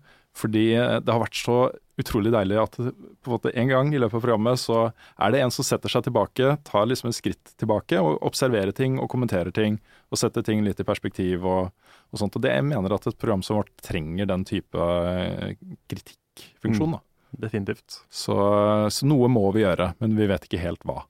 Og det er jo ikke så lett å erstatte deg, Jon Cato. Jeg husker da vi begynte å snakke om den spalten, så var det vel han der eh, Andy Rooney i, 60 Minutes som var liksom uh, targeten. Han der uh, gamle mannen med de buskete øyenbrynene som satt ved sånn skrivebord på slutten og Raljerte. Ja, irriterte seg over ting. Uh, så nei, men det er og det er ikke noen sånn stilling som er lett å utlyse heller, ikke sant. For hvis, ingen, hvis du er en ukjent fyr, så er det veldig intimiderende å komme inn og skal være en sånn stemme. For du må mm. ha litt pondus snakker jeg ikke bare om alle bilringene mine, men, men, du må ha litt fartstid i bransjen, så at det blir litt vekt bak meningene dine. Så ja, det, er, det, kan være litt vanskelig. Det er ikke så lett. Vi har, det vi har snakka om som en mulig løsning, er at vi, eh, i hvert fall nå første sesongen, kanskje rullerer litt. Eh, ja. For du har jo meninger om spill, jeg har meninger om spill. Alle som jobber i Level Up har jo meninger om spill, mm. som det går an å sette inn i en eller annen slags form for uh, ja, for uh, vi lekte jo litt med tanken om å lage en litt sånn der uh, slags Trollolol tribute-sesong. Mm. Hvor uh, alle i hele redaksjonen prøver å lage liksom en slags Trollolol-greie. Ja. Uh, litt sånn for moro skyld. Mm. Uh, litt for å prøve hvordan det er. Og så. Mm. Rett og slett Det er ganske sånn... kleint å introdusere seg sjøl, da. Ja, nå kommer jeg som skal mene noe. Ja, ja. det, det, gjør det. Og det for min del, jeg har skrevet masse kommentarer opp gjennom åra. Og kunne ha gjort det, jeg også. Men det, det, å på en måte kombinere det med å gjøre alle de andre tingene og være programleder og sånt, blir litt rart. Det er, det er litt rar rolle. Ja, det er bedre om det liksom er en fast person som gjør det. Så mm. vi må nok prøve å komme dit etter hvert. Prøve å finne den riktige stemmen. Ja. Jeg, er liksom, jeg er litt sulten på liksom Se, fins det noen uh, veldig tydelige og gode stemmer der ute som kan få den pondusen da, uh, av å være kommentator hos oss? Hmm. Uh, kan ha en eh, audition på neste spillquiz her i Oslo, som jeg og min venn Magnus arrangerer hver måned. Ikke sant? Der er det mange oppegående spillvitere. Ja, det er det. Mange av de jobber dessverre i spillselskaper, da, men uh, ja. Men det, er, det fins folk med klare meninger om spill. Hmm. Uh, det hadde vært kult. Vi har allerede fått en søknad via Twitter. Har vi det? ja. Yes. Og så, så, hadde det vært morsomt, i hvert fall én gang, å se liksom Jeg har lyst til å se en sånn Trollhold-type greie fra liksom Nick, fra Svendsen, mm. fra liksom de folka vi har på laget. da ja. Bare for å se hva, da, hva de hadde gjort med det. Mm. Og så finner vi en mer fast greie, i hvert fall etter hvert. Ja. Håper vi. Vi bør nok gjøre det. Mm. Plutselig så dukker opp den perfekte personen, så så er Jon Cato glemt. det er bare tull. Evige skunder tapt. Ja, det er sant, det. Nei, det er jo, Man sier jo det at ingen er uerstattelige, men eh, det er liksom noen som er eh, litt mer uerstattelige enn andre. Og det Ja, Man må velge altså, I min verden så finnes det to typer. Det er de neofobe og de neofile. Og hvis du er neofob, så er du redd for alt som er nytt og alt som forandrer seg. Og hvis du er neofil, så omfavner du alt. Og jeg har alltid prøvd å være neofil. All forandring er ofte til det bedre. Ja da, vi, det er jo på en måte litt av grunnprinsippene til programmet også. Det har jo endra seg ganske mye opp gjennom årene. Uh, vi har prøvd oss litt fram og prøvd ut forskjellige ting. og sånt. Vi skal nok komme gjennom dette her også, Carl. Vi skal nok det. Og jeg er sikker på at når eh, om, i Level Up-kommentarfeltet om tre år, så eh, kommer det til å være en eller annen kommentar med 'hva faen, hvor er Jon Cato'? Ja. Ja, det, vi det får er fortsatt, eh, for, eh, Folk savner jo fortsatt Endre og Carl Thomas, som eh, var de første programlederne for Level Up. Ja, det er jo tre år siden nå. Det er faktisk tre år siden. Så eh, Sånn, der endrer seg alltid. Altså, jeg jeg jobba på en butikk som heter Akersmik på 90-tallet, og jeg vet at det går fortsatt folk inn i de butikklokalene som ble lagt ned for 15 år siden, og så står de og blunker dumt. Og, Har dere ikke CD-er lenger, Ja, ja, sier vi de. Nei, jeg husker jeg bodde jo Jeg kommer jo fra Moss. Så det å på en måte stikke innom Akersmik når man var på Oslo-tur, var jo en del av pakka, liksom. Ja, ja, ja. Da gikk man dit og kjøpte spill og CD-er og alt Ja. mulig rart. Jeg husker da, da jeg var ung, da jeg var veldig liten, så var den derre Spiderman i Oslo. Mm. Det var sånn der my mytisk sted. Og der har du også jobba. Ja, Der har jeg også jobba litt. Grann. Jeg har i hvert fall bodd i kjelleren. det har jeg. Men der, der er det Kilroy nå, og der er jeg sikker på at folk kommer inn på et reisebyrå en gang i uka. Hvor er spillene henne? ja. Nei, det var sånn, uh, Faren min var mye i Oslo, jeg var aldri i Oslo. Så han fortalte meg når han kom hjem til Tønsberg og liksom bare Ja, ja, det, i Oslo så er det en butikk som heter Spiderman. Og der er det sånne der spillfigurer som bare le, som peker inn i butikken. Og så er det masse spill, og jeg bare åh, Dit skal jeg lite. dit skal jeg gå en gang. Altså. Det, da jeg flytta til Oslo, så var den ikke mer. Mm. Vi går litt videre med andre spørsmål. Vi har fått et fra Sigmund Tofte. Han eh, spør om det blir trist å ta ferie i level up, eller er det like greit? Det er en god blanding. Det er alltid trist å eh, ikke lage programmet vårt, for det er jo, vi har jo en veldig, veldig, veldig morsom jobb. Men det er ingen tvil om at når vi er ferdig med en lang sesong, så er vi slitne. Det er vi. Det å på en måte Ok, det er mer behagelig å ha ukes deadline enn 24 timer i døgnet deadline, som jeg hadde før level up. Men uh, det er jo fortsatt press, liksom. Man skal uh, lage ting klart og Mm. Man har en episode man skal fylle hver eneste uke. Så det å bare ta noen uker ferie først, hvor man bare senker skuldrene litt og samler litt krefter, Mm. og så begynner å produsere ting for neste sesong og sånt, det er veldig deilig, altså. Ja. Og vi lager et program som er eh, veldig mye større og lengre enn det det egentlig er meninga man skal lage på en uke. Ja. Så det er jo det er mye jobb. Det er mye, mye som skal gjøres, mye som skal gjøres ferdig. Og det er jo et press. Man blir jo sliten, som du sier. Mm. Eh, Så det skal bli deilig å ta litt fri. Ja. Samtidig som det skal bli deilig å glede seg til å komme i gang igjen etter hvert. Og programmet hadde vel ikke blitt så bra uten de avbrekene. For det er når man har avbrekk og kan senke skuldrene, at alle frøene til ideer til neste sesong blir lagt. Så når Mm. man kommer tilbake etter en måned med fri, selv om man er litt på jobb òg, da, så, så har man masse ideer. Så finner man energien igjen. Mm. Du må lade mobilen. din. Du kan ikke, du kan ikke bruke den hele tida. Du må sette den på lading av og til. Det er sant. Det er, det er lite som er så givende som å liksom ha hatt en sommer til å tenke på f.eks. et klassikerinnslag, da. Og så bruke liksom de ukene før eh, vi kommer ordentlig i gang, til å Mm. lage det ene innslaget. Mm. Gjøre det så bra som du vil at det skal være. Ja. Og så vise det i første eller andre episode. Det, det er jeg veldig glad i. Det er kjempedeilig. Pål Lone lurer på om vi har noen planer for sommeren. Min plan er å gjøre ingenting, egentlig. Ja. Det skal bli kjempedeilig. I fjor så var det mye reising og mye greier, men ikke i år. Nei, du har ikke barn, du. Jeg har ikke det. Nei. Nei, det blir norgesferie på meg eh, denne gangen. Vi skal reise litt, men eh, ikke utenfor landegrensene. Så, så det blir deilig. Jeg skal møte Håvard, som eh, jeg egentlig har kjent i mange år. Jeg spilte med han i gamle dager i Half-Life, og så ble vi kjent igjen gjennom et annet spill som jeg spiller nå om dagen. Ja. Uh, han har et sånt stort hus i Arendal, og ja, det blir kjempekoselig. Han er en veldig hyggelig fyr. Han har jo jeg begynt å bli kjent med også. Utrolig hyggelig fyr. Mm. Og barn er på omtrent samme alder som mine, så det, det, blir, det blir stas. Ja, nei, jeg skal til eh, Jeg skal jobbe en del i min nye jobb eh, et par uker til, og så skal jeg to uker til Spania med hele familien. Der har vi en sommerleilighet som vi skal bo i, så det, det er varmt, men det er fint. Mm. Høres behagelig ut.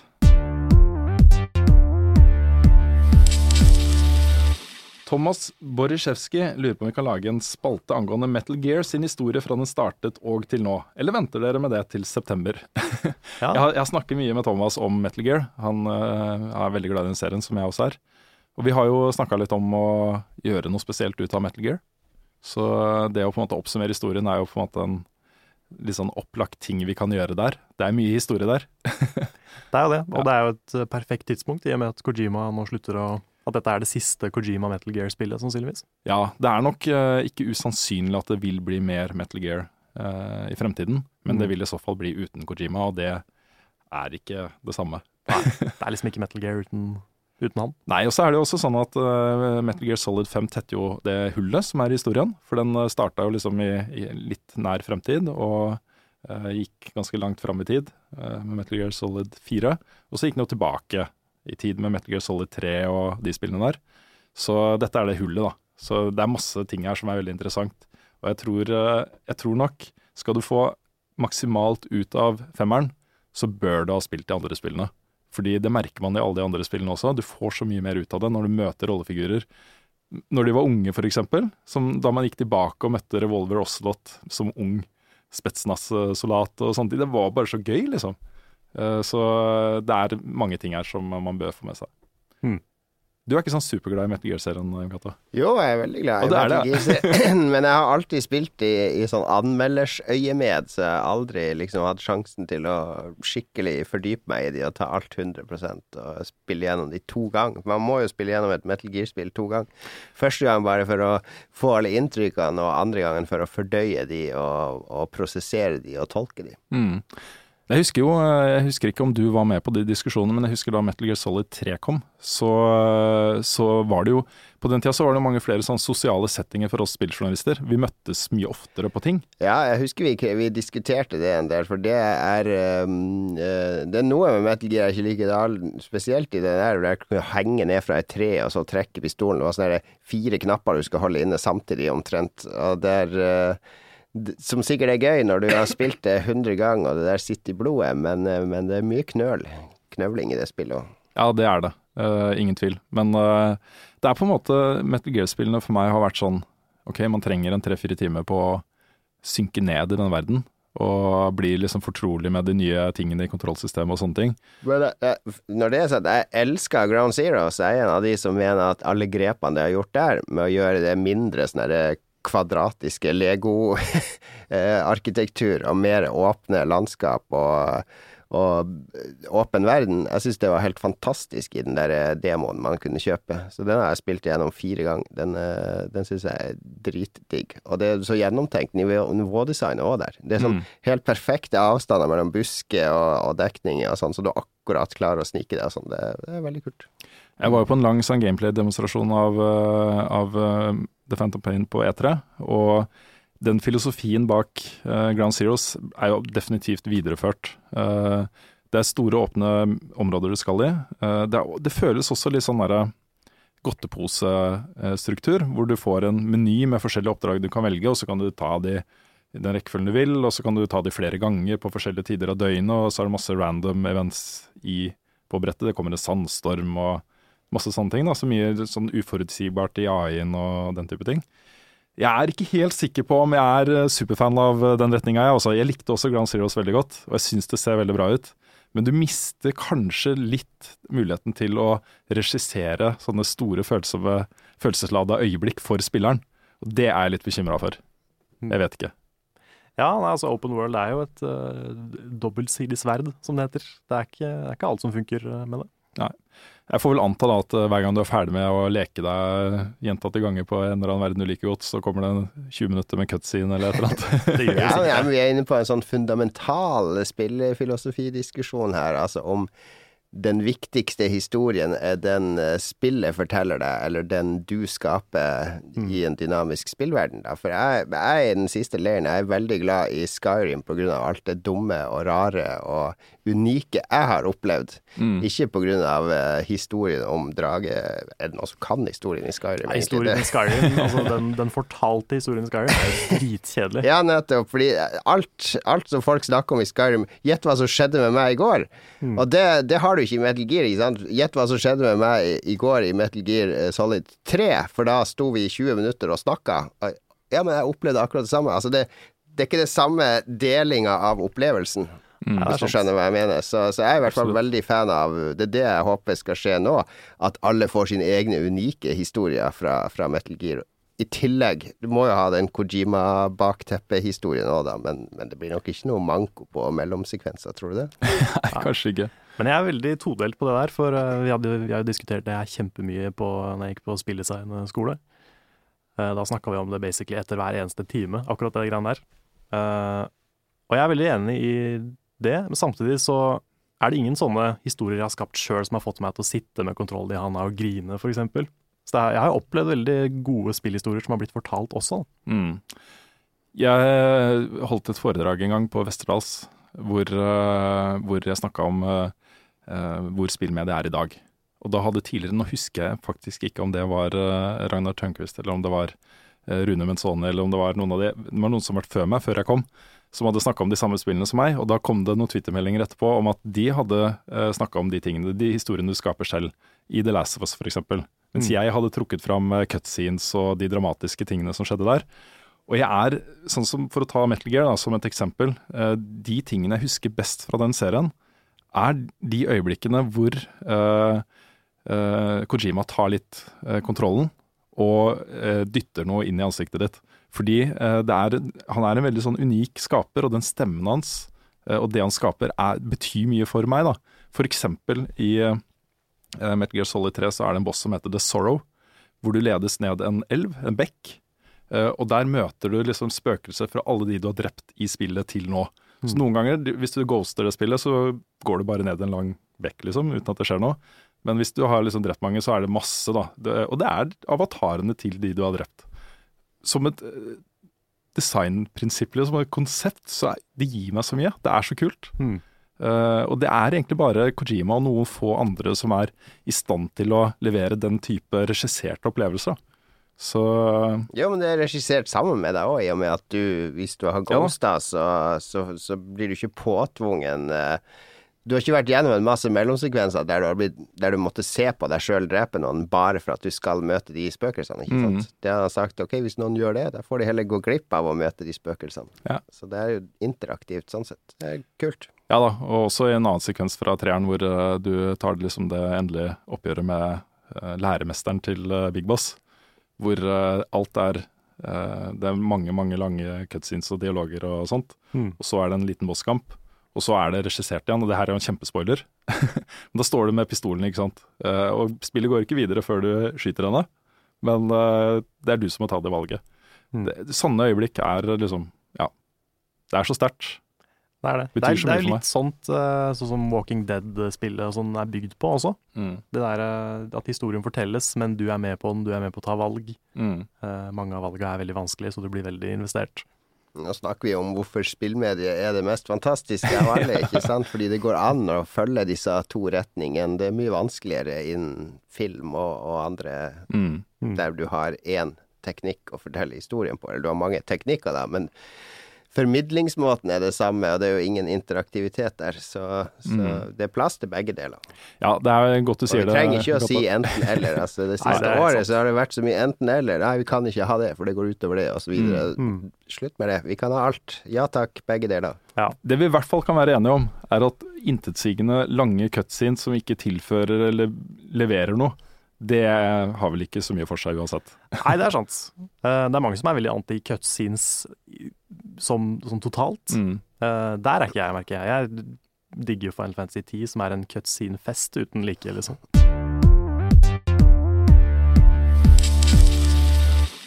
Vi går videre. Jakob Skrede Langedal eh, lurer på om det er mulig når man anmelder et spill å gi spillet et terningkast seks, selv om det er mye dårlig med spillet. Men det som er bra, det er så bra at det trekker opp til en sekser. Interessant spørsmål. Ja. Det er jo i hvert fall til en viss grad mulig. Mm. Det er mange spill vi har gitt seksere som ikke nødvendigvis har vært eh, perfekte eksempel på alt i spill. Uh, Og det er på en måte de diskusjonene vi møter ganske ofte også, eh, hvor eh, seere og lesere før den tid eh, snakka mye om det teknisk perfekte som en mal. Ja. for uh, hva som er bra og ikke bra. Uh, at det må være liksom bugfritt og av høy produksjonskvalitet og den type ting. Ja, jeg føler det er mange spill som Eller mange spill, mange spillfans som uh, liksom ser på spillanmeldelser som at det skal være en samling av pros og cons, på en måte. Mm. Det skal være positive og negative punkter som plusses sammen til en score. Og sånn er det jo nesten aldri, egentlig. Nei, For vi får jo ofte den derre uh, F.eks. med The Witcher 3-anmeldelsen til uh, Svendsen. Uh, hvorfor fikk de ingen en sekser? Du sier ingenting negativt om spillet. Det er jo på en måte den andre flipcoinen av akkurat den diskusjonen. Ja, for du må liksom, folk mener det må, det må være negative punkter, sånn direkte negative ting, som Mm. gjør at spillet ikke får en sekser. Ja. Og mitt uh, kroneksempel på et uh, ikke teknisk perfekt spill som eh, allikevel er en sekser, er jo Shadow of the Colossus. Mm. Som jo er masse ting du kan arrestere det spillet på rent teknisk. eh, med klønete kontroller og at du blir straffa av spillet eh, selv om du ikke har gjort noe feil. eh, som jo bryter opp flyten og litt sånne ting. Men hvor det som er der, er så bra at det ikke har noe å si da på helhetsinntrykket. Hva mener du, om Cato? Ja, det er lenge siden jeg begynte å dele opp i sånne segmenter, men det er mange som gjør det fortsatt. Altså, det, er- jo til og med Jeg vet ikke om Game Reactor gjør det fortsatt, om de har sånn grafikk, lyd, spillbarhet, eh, underscores. Uh, og det er, um, det er litt sånn gammeldags måte å tenke på, altså, fordi det er en helhetsopplevelse uansett. Og det er eh, åpenbare bugs og feil eh, det, som, som ødelegger for opplevelsen. Det er klart at det ofte forhindrer deg fra å gi det en sekser. Men det er ikke så mange spill, bortsett fra Batman. Eller det har jo vært en del i det siste, men spillet har blitt ofte såpass høy produksjonskvalitet på at, at eh, et par sånne glitcher er ikke nok til å si nei, det her kan ikke få seks. Det må ikke være teknisk perfekt, men opplevelsen må være sånn at du blir helt revet med at det her er noe Sekser for meg har alltid vært et spill som når jeg er ferdig å spille, så går jeg og tenker på det fortsatt, ikke sant? Eller går og gleder meg til å fortsette å spille spill som ikke forlater hodet ditt. Ja, som sitter litt i hjertet Mm. også. Som virkelig griper deg og, og, og er med deg og Mm. beriker deg. Mm. Og det har ikke noe med det tekniske å gjøre i det hele tatt. Men jeg, jeg har skrevet for sånn hifi-blader og sånne ting, og der, ikke sant, når du anmelder en ny forsterker, så sitter du bare med sånn eh, utstyr og måler. Og du måler diskant, og du måler bassfrekvenser og sånne ting. Og så blir det sånn helt objektiv karakter. Alle hifi-publikasjoner, du gir det den samme vurderinga, fordi du har ikke noe Opplevelsen er bare helt teknisk der, og sånn er det ikke med spill. Nei, det er ikke sånn 'hvordan får denne basskassa meg til å føle'? Nei, det, det, det har ingenting å si. Altså, det, enten så er det en bra mellomtone, ryddig mellomtone, klar mellomtone, eller så er den grumsete. Mm. Mens i spill så sitter du og Bare det at du er med å påvirke hva sluttresultatet blir, er jo en så stor faktor at, at det, det er umulig å, å gi noe fasit på det, ikke sant. Et godt eksempel her er jo Brothers, som uh, både du og jeg har uh, spilt. Mm. Hvor du var litt sånn lunken. Ga det, en, Ja. ga det vel en sterk firer til Jeg ga det en veldig sterk firer. Ja, og jeg mener det var en klar sekser for meg, liksom, personlig. Eh, og det er sånn spill skal være, syns jeg. Ja, Fordi jeg, det er på en måte det man henter ut av et spill skal være personlig. Og når et spill er på den måten, så blir jeg så glad at Fordi mange spill er liksom teknisk kompetente, eh, mekanisk veldig bra. Vanskelig å på en måte hente noen følelser ut av det, men når det kommer til sånne spill som Brothers, som helt opplagt er spillopplevelser som det vil være delte meninger om, så blir jeg, det syns jeg er utrolig deilig. ja, for jeg, det er jo mange som blir eh, opprørt og, uh, og sinna i kommentarfeltet og sånn når et spill får veldig delte uh, anmeldelser. Så noen gir det en sekser, og noen gir det en firer, en treer til og med. Eh, jeg kan jo til en viss grad skjønne det hvis det er fra et sånt kjøpsperspektiv. Liksom, er spillet bra? Skal jeg kjøpe det? Ja, Eh, Kom igjen da, folkens! Ja, jeg, jeg ser jo til en viss grad den, Mm, men spillkulturelt så er det jo kjempeinteressant Mm. at det er sånn. Veldig mye av klagene kommer jo fra folk som har forhåndsbestilt spillet og bare skal ha et sånn der eh, bekreftelsesstempel på at de har gjort et godt valg. mm. Mm. Altså når spillet da får en firer eller en femmer, som i Witcher 3 sitt tilfelle, så er det sånn What?! Mener du at det her spillet som jeg har gått og gleda meg til et halvt år, ikke er verdens beste spill? Mm. Så, nei, jeg sier at det er et veldig bra spill. Du kommer til å elske det og ha masse gøy med det. Altså, ta det for det det er. Det er ikke bra nok. Um, Bjørn Jacobsen takker for en super podkast. Har hørt gjennom alle episodene tre-fire ganger, og det er like bra hver gang. Tusen takk. Det har ikke vi gjort engang, tror jeg. Nei. Det er hyggelig. Uh, hva ville dere valgt om dere skulle velge mellom konsoll og PC, og hva spiller dere mest på nå? Hva er deres favoritt-FPS-spill som har kommet ut de siste årene? God sommer! Det trenger ikke du å svare. Nei. Jeg er ikke på det siste, men på det første kan du jo svare. Uh, jeg er tradisjonelt sett, vil jeg vel kanskje si, en PC-gamer. Um, det var det jeg spilte mest på opp igjennom. eh, 90-tallet og tidlig eh, 2000-tallet. Eh, men det var rett og slett fordi de spillene som jeg ble mest glad i, var skytespill. Eh, Quake og eh, Doom og Marathon. eh, Counter-Strike, Battlefield, alle de spillene der eh, brukte jeg mest tid på. Så, så det gjorde meg til en ganske sånn klar PC-entusiast. Men samtidig så, eh, sånn særlig fra midten av 90-tallet, så begynte det å komme ting som appellerte ekstremt til meg som person. Tomb Raider, Metal Gear Solid, alle de spillene der, liksom. Uh, Super Mario 64. Det kom så mye bra på konsoll. Så jeg har egentlig fra den tida vært veldig delt, da. Uh, jeg er glad jeg slipper å velge, rett og slett. Mm. Uh, Noen spill foretrekker jeg på PC, noen spill foretrekker jeg på konsoll. Men jevnt over så er jeg eh, veldig glad i begge deler. Det er litt sånn politisk korrekte svar å gi som anmelder, men det er veldig sant, altså. Ja. Nei, jeg er helt eh, enig med deg. Jeg var veldig konsollgamer før. Eh, så oppdaga jeg liksom at eh, oi, spill ser veldig bra ut på PC. Jeg begynte å liksom shoppe meg til døde på Steam og sånne ting. Um, nå er jeg der at hvis jeg kan spille det på PC, spiller jeg det som regel på PC. I hvert fall hvis ikke det er Batman. Uh, hvis ikke, så er jeg veldig glad i å spille på konsoll også. Mm. Jeg har et sånt troll, jeg skal ikke nevne navnet hans, men som hver gang jeg skriver noe om, om skytespill på konsoll på Facebook, så kommer han inn og klager over at uh, skytespill på konsoll er bare dritt og PC er mye bedre og sånt. Mm. Han har et lite poeng, fordi jeg mener jo at skytespill er best på, på PC personlig. Fordi jeg har eh, blitt vant til å bruke mus og tastatur, og er mye mer presis med det, og er mye bedre Mm. eh, gamer. Men man er jo litt av natur mye mer presis med en mus enn man er med en stikk. Ja da, altså eh, hele hånda di er mer presis enn bare tommelen din. Eh, sånn er det bare. Mm. Men eh, det er fullt, jeg er helt sikker på, ta de beste eh, Call of Duty-spillerne på eh, PlayStation 4 og sett han opp mot en eh, jevnt over ganske god PC-spiller, så hadde de fått grisebank. For det er mulig å bli god med håndkontroller. Mm. Det er mulig å få viss presisjonsnivå der også. Hele den debatten er bare tull. Altså, du kan ha storarta opplevelser på begge måter. Og jeg har også Det er litt sånn hipp som happ for meg hvor jeg spiller, da. Men jeg syns konsollene har blitt mye mer tungvint på den generasjonen her. For det er så mye patching og oppdateringer. og. Og ja, hvis jeg Nå har ikke jeg spilt Batman ennå, men jeg har tenkt å ta det med meg. Jeg kjøper det og ta det med meg hjem i dag. Og da har jeg hørt at det er sånn to gigabyte patch. Og det er bare det er ikke derfor jeg Altså, jeg vil sette i spillet, og så vil jeg spille, ikke sant. Nå må jeg sette i spillet, og så må jeg gå ned og lage middag. Altså, forhåpentligvis med den der fantastisk raske PlayStation Network-linja som jeg har, så er det kanskje ferdig etter jeg har vaska opp.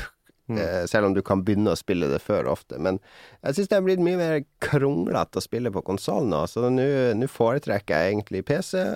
Eh, Eller VU, det syns jeg er greit å spille på. Men det er fordi jeg har spiller med ungene på den. Mm. Men, eh, men eh, PlayStation og Xbox de er liksom blitt litt for tunge for sitt eget beste. Kanskje. Ja, det har vært veldig en greie med Bloodborne også, føler jeg. Liksom, nå har jeg lyst til å spille Bloodborne, og så logger jeg på, så må jeg først oppdatere PlayStation Network. Så må jeg Mhm. laste ned en patch til Bloodborne. Hvis jeg vil begynne å spille det før det, så får jeg ikke lov å være online. Og det er liksom Det er litt gøy å være online. Det er ikke en stor del av spillet, men du får sånne notes fra andre spillere. Så det er sånn Jeg vil ikke spille før jeg har de. Eh, På, Og så blir man sittende der og vente. ja, på forrige generasjon så var jeg, da spilte jeg mye mer på Xbox 360 enn PlayStation 3. Fordi eh, det handla om at du fikk ofte promoer på 360. Jeg syns 360-kontrolleren var bedre, og grensesnittet på 360 var bedre, syns jeg. Bedre online med speech og alt mulig sånn, så jeg spilte mye der. Men så hver gang jeg fikk en promo på PlayStation 3, så var det sånn uff, nå må jeg slå på den. Fordi jeg visste at det gikk noen uker mellom hver gang jeg slo den på. Jeg visste at når jeg slo den på, så var det en system update. Mm. Det tok et kvarter, også. Ja, og det var jo ofte sju-åtte progress bars før du var ferdig med de greiene der. Mm. Og de Sony var så utrolig glad i system updates òg. Det var sånn update for alt. Altså, Xbox ga ut sånn tre ganger i året, en sånn major update. Men Sony de kom med sånn her Ja, nå, blir, nå kan du ha tekst på latvisk eh, når du ser DVD og sånn. Det er det eneste nye i denne Ja, ja, ja. updaten, som du må laste ned for å spille online. Jepp. Nei, vi får eh, se. Det er, eh, det er Jeg syns i hvert fall det er morsomt at PC kommer så sterkt tilbake nå.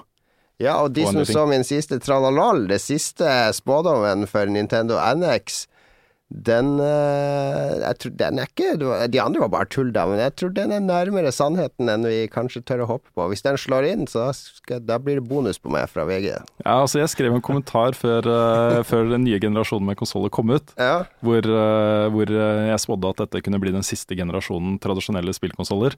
Fordi jeg har så tro på ja, PSN da, som en app som kan fungere hvor som helst, liksom. Når det begynner å bli så mye kraft i tablets og PC-er og alt mulig rart, Mm. så skal det være teoretisk mulig å bare la det være en tjeneste som Netflix eller Spotify eller et eller annet. Jeg tenkte Nintendo NX som en Valve Steam-tjeneste. Og kan du gå i butikken og kjøpe original SNES-kontroller og spille de perfekt på PC-en din med Nintendo achievements og Mm.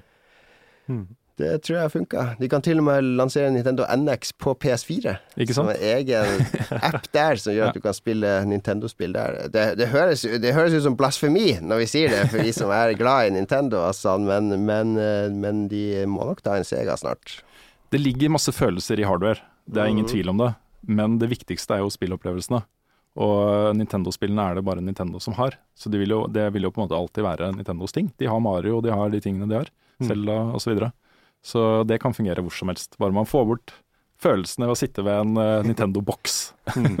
Ja, men tiden for svære bokser er jo basically over Mm. uh, etter dette her. Det er jo det er ikke noe bruk for sånne enorme TV-bokser snart.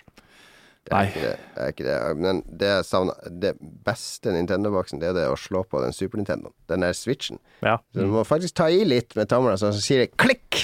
Og så blir det bilde. De må ha tilbake Jeg hater de der at det er bare sånn touch. Ja. Når du tørker støv, så har det slått på PlayStation 4 og alt som er Du hadde jo litt det der med, med Nest nå, at du- du tørker spillet ned. Ja, Det også er en sånn litt opplevelse. fysisk. Mm. Mm. Få tilbake de fysiske konsollene. Da Ja, bare vi får bort de der dustete eject og power-knappene på PlayStation 4, så, De som alltid tar feil. Ja, som alltid tar feil. Ja. Eller kommer borti, eller et eller annet. Jeg skjønte jo oppriktig ikke hvordan du slo på PlayStation 4. når jeg fikk Det var mange som ikke skjønte det. Ja.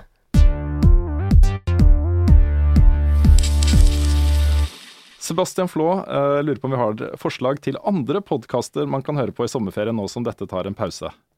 Ja, Kommer dere til å ta pause, Jon Cato? Eh, Vi skal lage to episoder til, pluss en sånn Klekken spesial, der vi rusler rundt på Klekken og snakker med Vi snakker om Lolbua nå, da, som er min, min podkast. Der snakka vi annet med Dpad, som kunne fortelle litt om hvor de var akkurat nå med Oldboy, som er straks ferdig, faktisk, ifølge de. Mm Eh, Vi snakka med Antagonist, som klarte å få gjennom Through the Woods på en kickstarter nylig. Og vi snakka med en hel haug med andre folk på Klekken, så det- blir en sånn Krillbite. Eh, De snakka vi vel ikke med.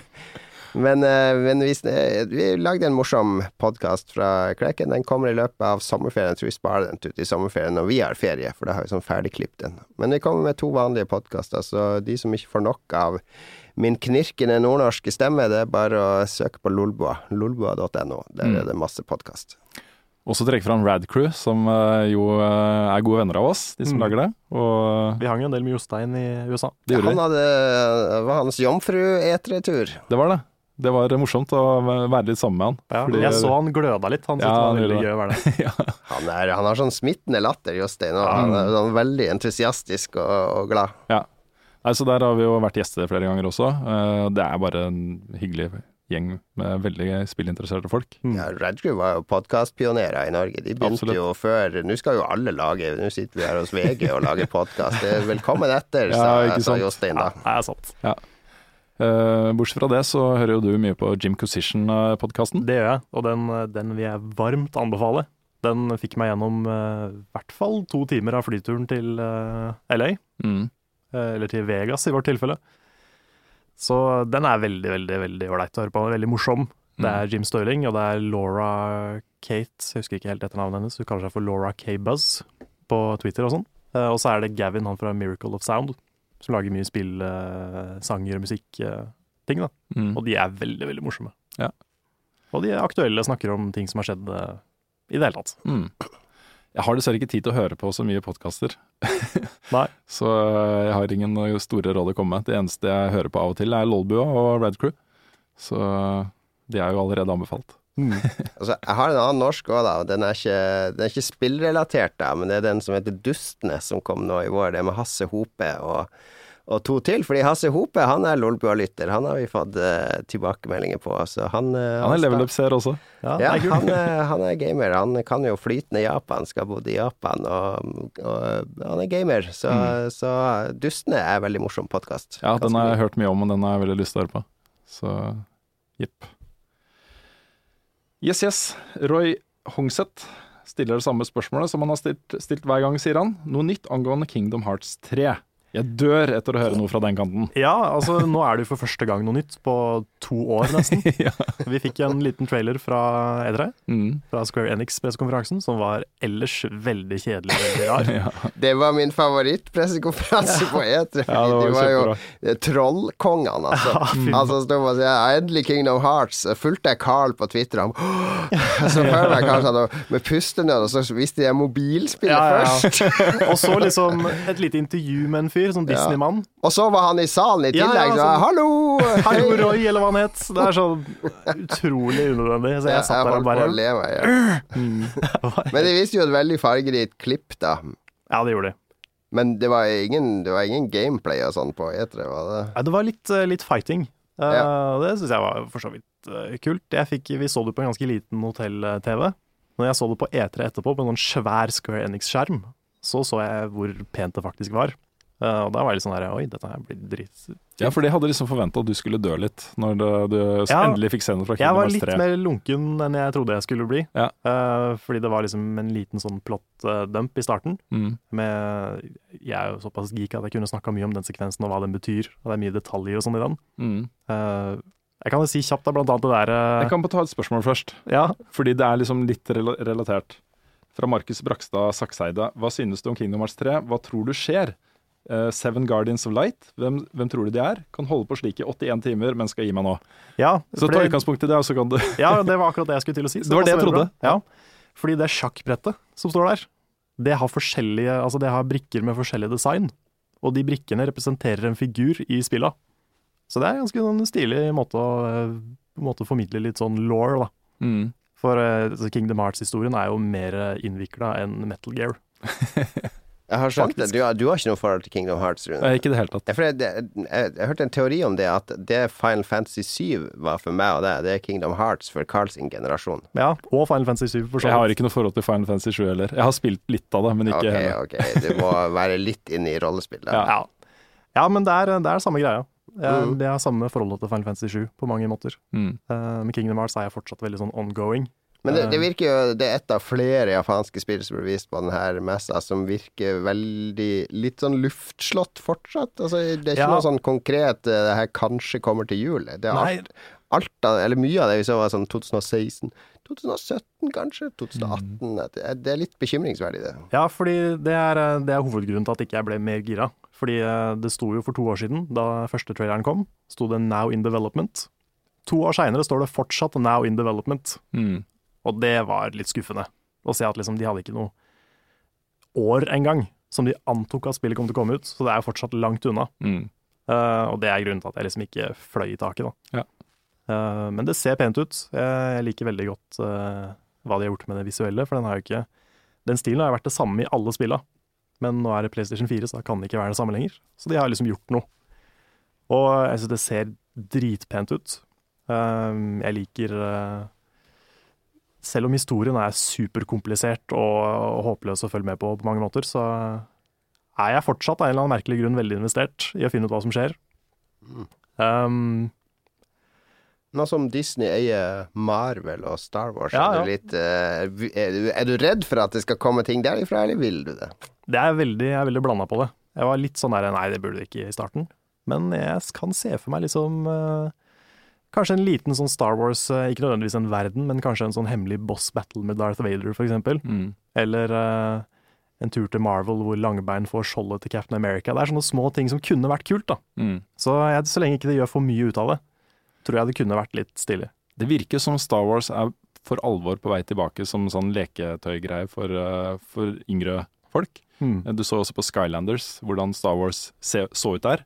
Og da vet du jo at dette kommer til å bli en svær greie, for Skylanders er jo en svær greie. Og Disney Infinity Ja, Var det Disney Infinity det var på, kanskje?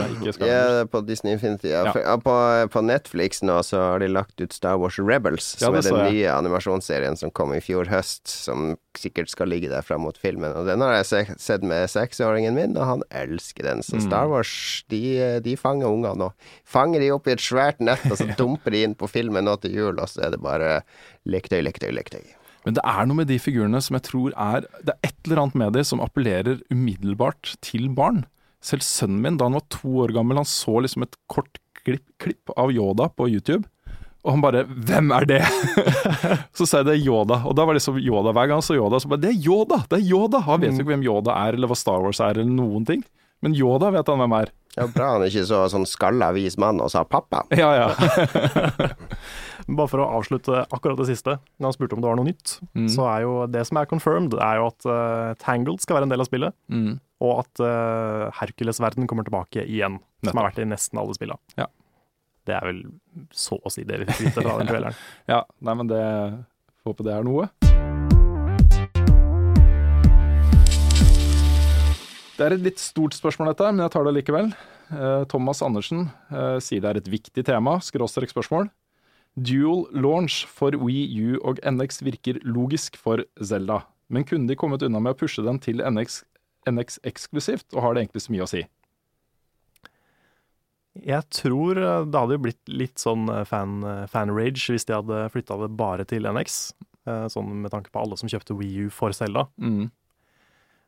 Men jeg mener de har sagt, jeg mener de har gått ut og sagt, uh, i den grad man kan tro på de, at det i hvert fall kommer på Wii U. Så uh, jeg tror det, sannsynligvis det kommer på begge. Så Han følger jo opp med en liten rant som, uh, som jeg tror er litt sånn representativt for Nintendo-fansens håp for NX. Han sier personlig så håper jeg å tro på en NX-lansering med et helt nytt 3D-Mario og Zelda, med lovnader om et nytt Metroid og F-Zero på vei, samt at de endelig har besluttet å lage et stort open world Pokémon til NX. Altså bedre launch enn det kan de nesten ikke få. Later som om de da har fått fikset third party support inn da. Hva tenker dere? Det han vil, er at de skal ta en Sony og si «Øh, øh, Hva er det folk vil ha? De vil ha det, det og det og det. Ja, la oss bare putte det opp på en storskjerm, og så putte 2017 bak eh, alle titlene, så blir de glad. Ja, Mm. ja for Pokémon, eh, altså et uh, konsoll-Pokémon, eh, svært Pokémon-spill, det er jo Nintendos Final Fantasy 7 remake. Det er det alle Nintendo-fans, i hvert fall Pokémon-fans, vil ha. da. Nei, altså, eh, eh, Kongstanken her, og grunntanken, er jo eh, at Wii U ikke har gjort det så bra, og at Nintendo nå liksom må ta noen grep da, for å komme tilbake til den posisjonen de var i eh, på stasjonærkonsollmarkedet. Eh, og betydningen da, av å ha en solid launch-lineup med ting som folk vil ha, som folk gjør at folk kjøper den konsollen eller appen, eller hva det blir, Mkato. Ja, altså det alle Nintendo-fans, inkludert spørsmålsstiller, bør alltid ha i bakhodet når det gjelder Nintendo, er at uh, grunnen til at du elsker Nintendo En, en av grunnene til at du elsker dem, er at de alltid gjør ting på sine egne premisser, og Mm. ikke det folk tror de skal gjøre, eller vil de skal gjøre. Så du må omfavne at de alltid går i nye retninger, og så får du bare prøve å henge med. Altså, Mm. jeg, jeg tror det han skisserer, tror jeg aldri kommer til å skje. Men, eh, men eh, jeg tror ikke de går tilbake til V Music og V Sports og V Fit heller. Nei, det lille vi vet om NX, er jo at de har sagt at den eh, vil by på en del overraskelser på gameplay-siden. Um, og at uh, den kanskje ikke er så veldig langt unna. Det er vel de to tingene eneste man vet om det. Ja, for de nevnte jo det kjapt i pressekonferansen sin, at de, de var ikke klare for å si noe ennå, men neste år er den store liksom, NX News-greia Mm. kommer. Det blir vel eh, kanskje til og med en uh, egen direct over nyttår eller noe sånt. Kanskje. Mm. Kanskje de allerede da begynner å snakke om det. Mm. Vegard Øyen Jensen uh, lurer på om NX kan være VR. Jeg tror ikke det. Fordi uh, Nintendo har gått ut nå veldig nylig og sagt at VR er ikke gøy ennå. Så jeg tror ikke de har helt trua på VR ennå. Nei, som de ikke hadde tro på internett. Ja, ja, altså de, er jo, de henger jo litt bak ofte, men Nintendo eh, var jo først ute med VR med De det var det. Virtual Virtual Boy. Boy-forsøket sitt. Jeg tror ikke de brenner seg på det en gang til. Nei, Nei. VR er eh, det er, en, det er en hest som ingen vet hvor er på vei. Altså, man kan godt prøve å ri den og temme den, men, eh, men du aner ikke hvor du ender opp. Så jeg tror nok ikke Nintendo kaster seg over det. Med mindre de har funnet selve killer-appen til VR som gjør at alle velger Nintendo sin VR foran Morpheus og Oculus og Valve. Mm. Jeg syns det er litt interessant det der, fordi nå har på en måte Oculus Rift og Morpheus og de andre som satser på VR, fått lov til å leve en litt sånn boble av glødende forventninger en stund. Men det har tatt såpass lang tid at nå begynner virkelig de kritiske røstene å komme inn. Er VR uh, det store neste, eller er det en uh, gimmick som folk ikke vil velge? Det å, jeg ser det har begynt å renne inn en del kommentarer fra betydningsfulle folk i bransjen, og folk som er ganske tunge spillfolk. da. Ja, folk venter på en sånn killer-app som skal selge de 100% inn på det, og det fins det ikke ennå. Men Altså, jeg, jeg, jeg var hørt på sånn Morpheus-foredrag under Nordic Game, som var veldig interessant, for det var Sony sin, sin uh, Morpheus-sjef, da, fra Sony Computer Entertainment, som fortalte om alt de hadde lært, og alt, alle retningslinjer de la uh, foran uh, de som utvikla, da. Og det virker veldig som de behandler Morpheus Morpheus som en slags um, hva skal vi si, en slags iToy-variant. At i starten så skal det handle veldig mye om å leke og lære seg om det er nærvær, og venne seg til og bare ha det på. At de store spilleopplevelsene står et stykke unna. Mm. Så, men vi får se. Altså, det, det, er opplevelsen. Jeg tror VR har mye, mye mer å by på utenfor spill. Altså som, som opplevelses... Eh, eller som et opplevelsesteknikk. Mm. Nei, så det, det, store spørsmålet for meg er jo fordi jeg vet jo at det å sette meg ned med et uh, uh, bra VR-spill som flyter godt, og som uh, ikke gir meg hodepine, og som ikke gjør meg kvalm og alt dette der, en virtuell opplevelse Jeg vet at jeg kommer til å få mye ut av det.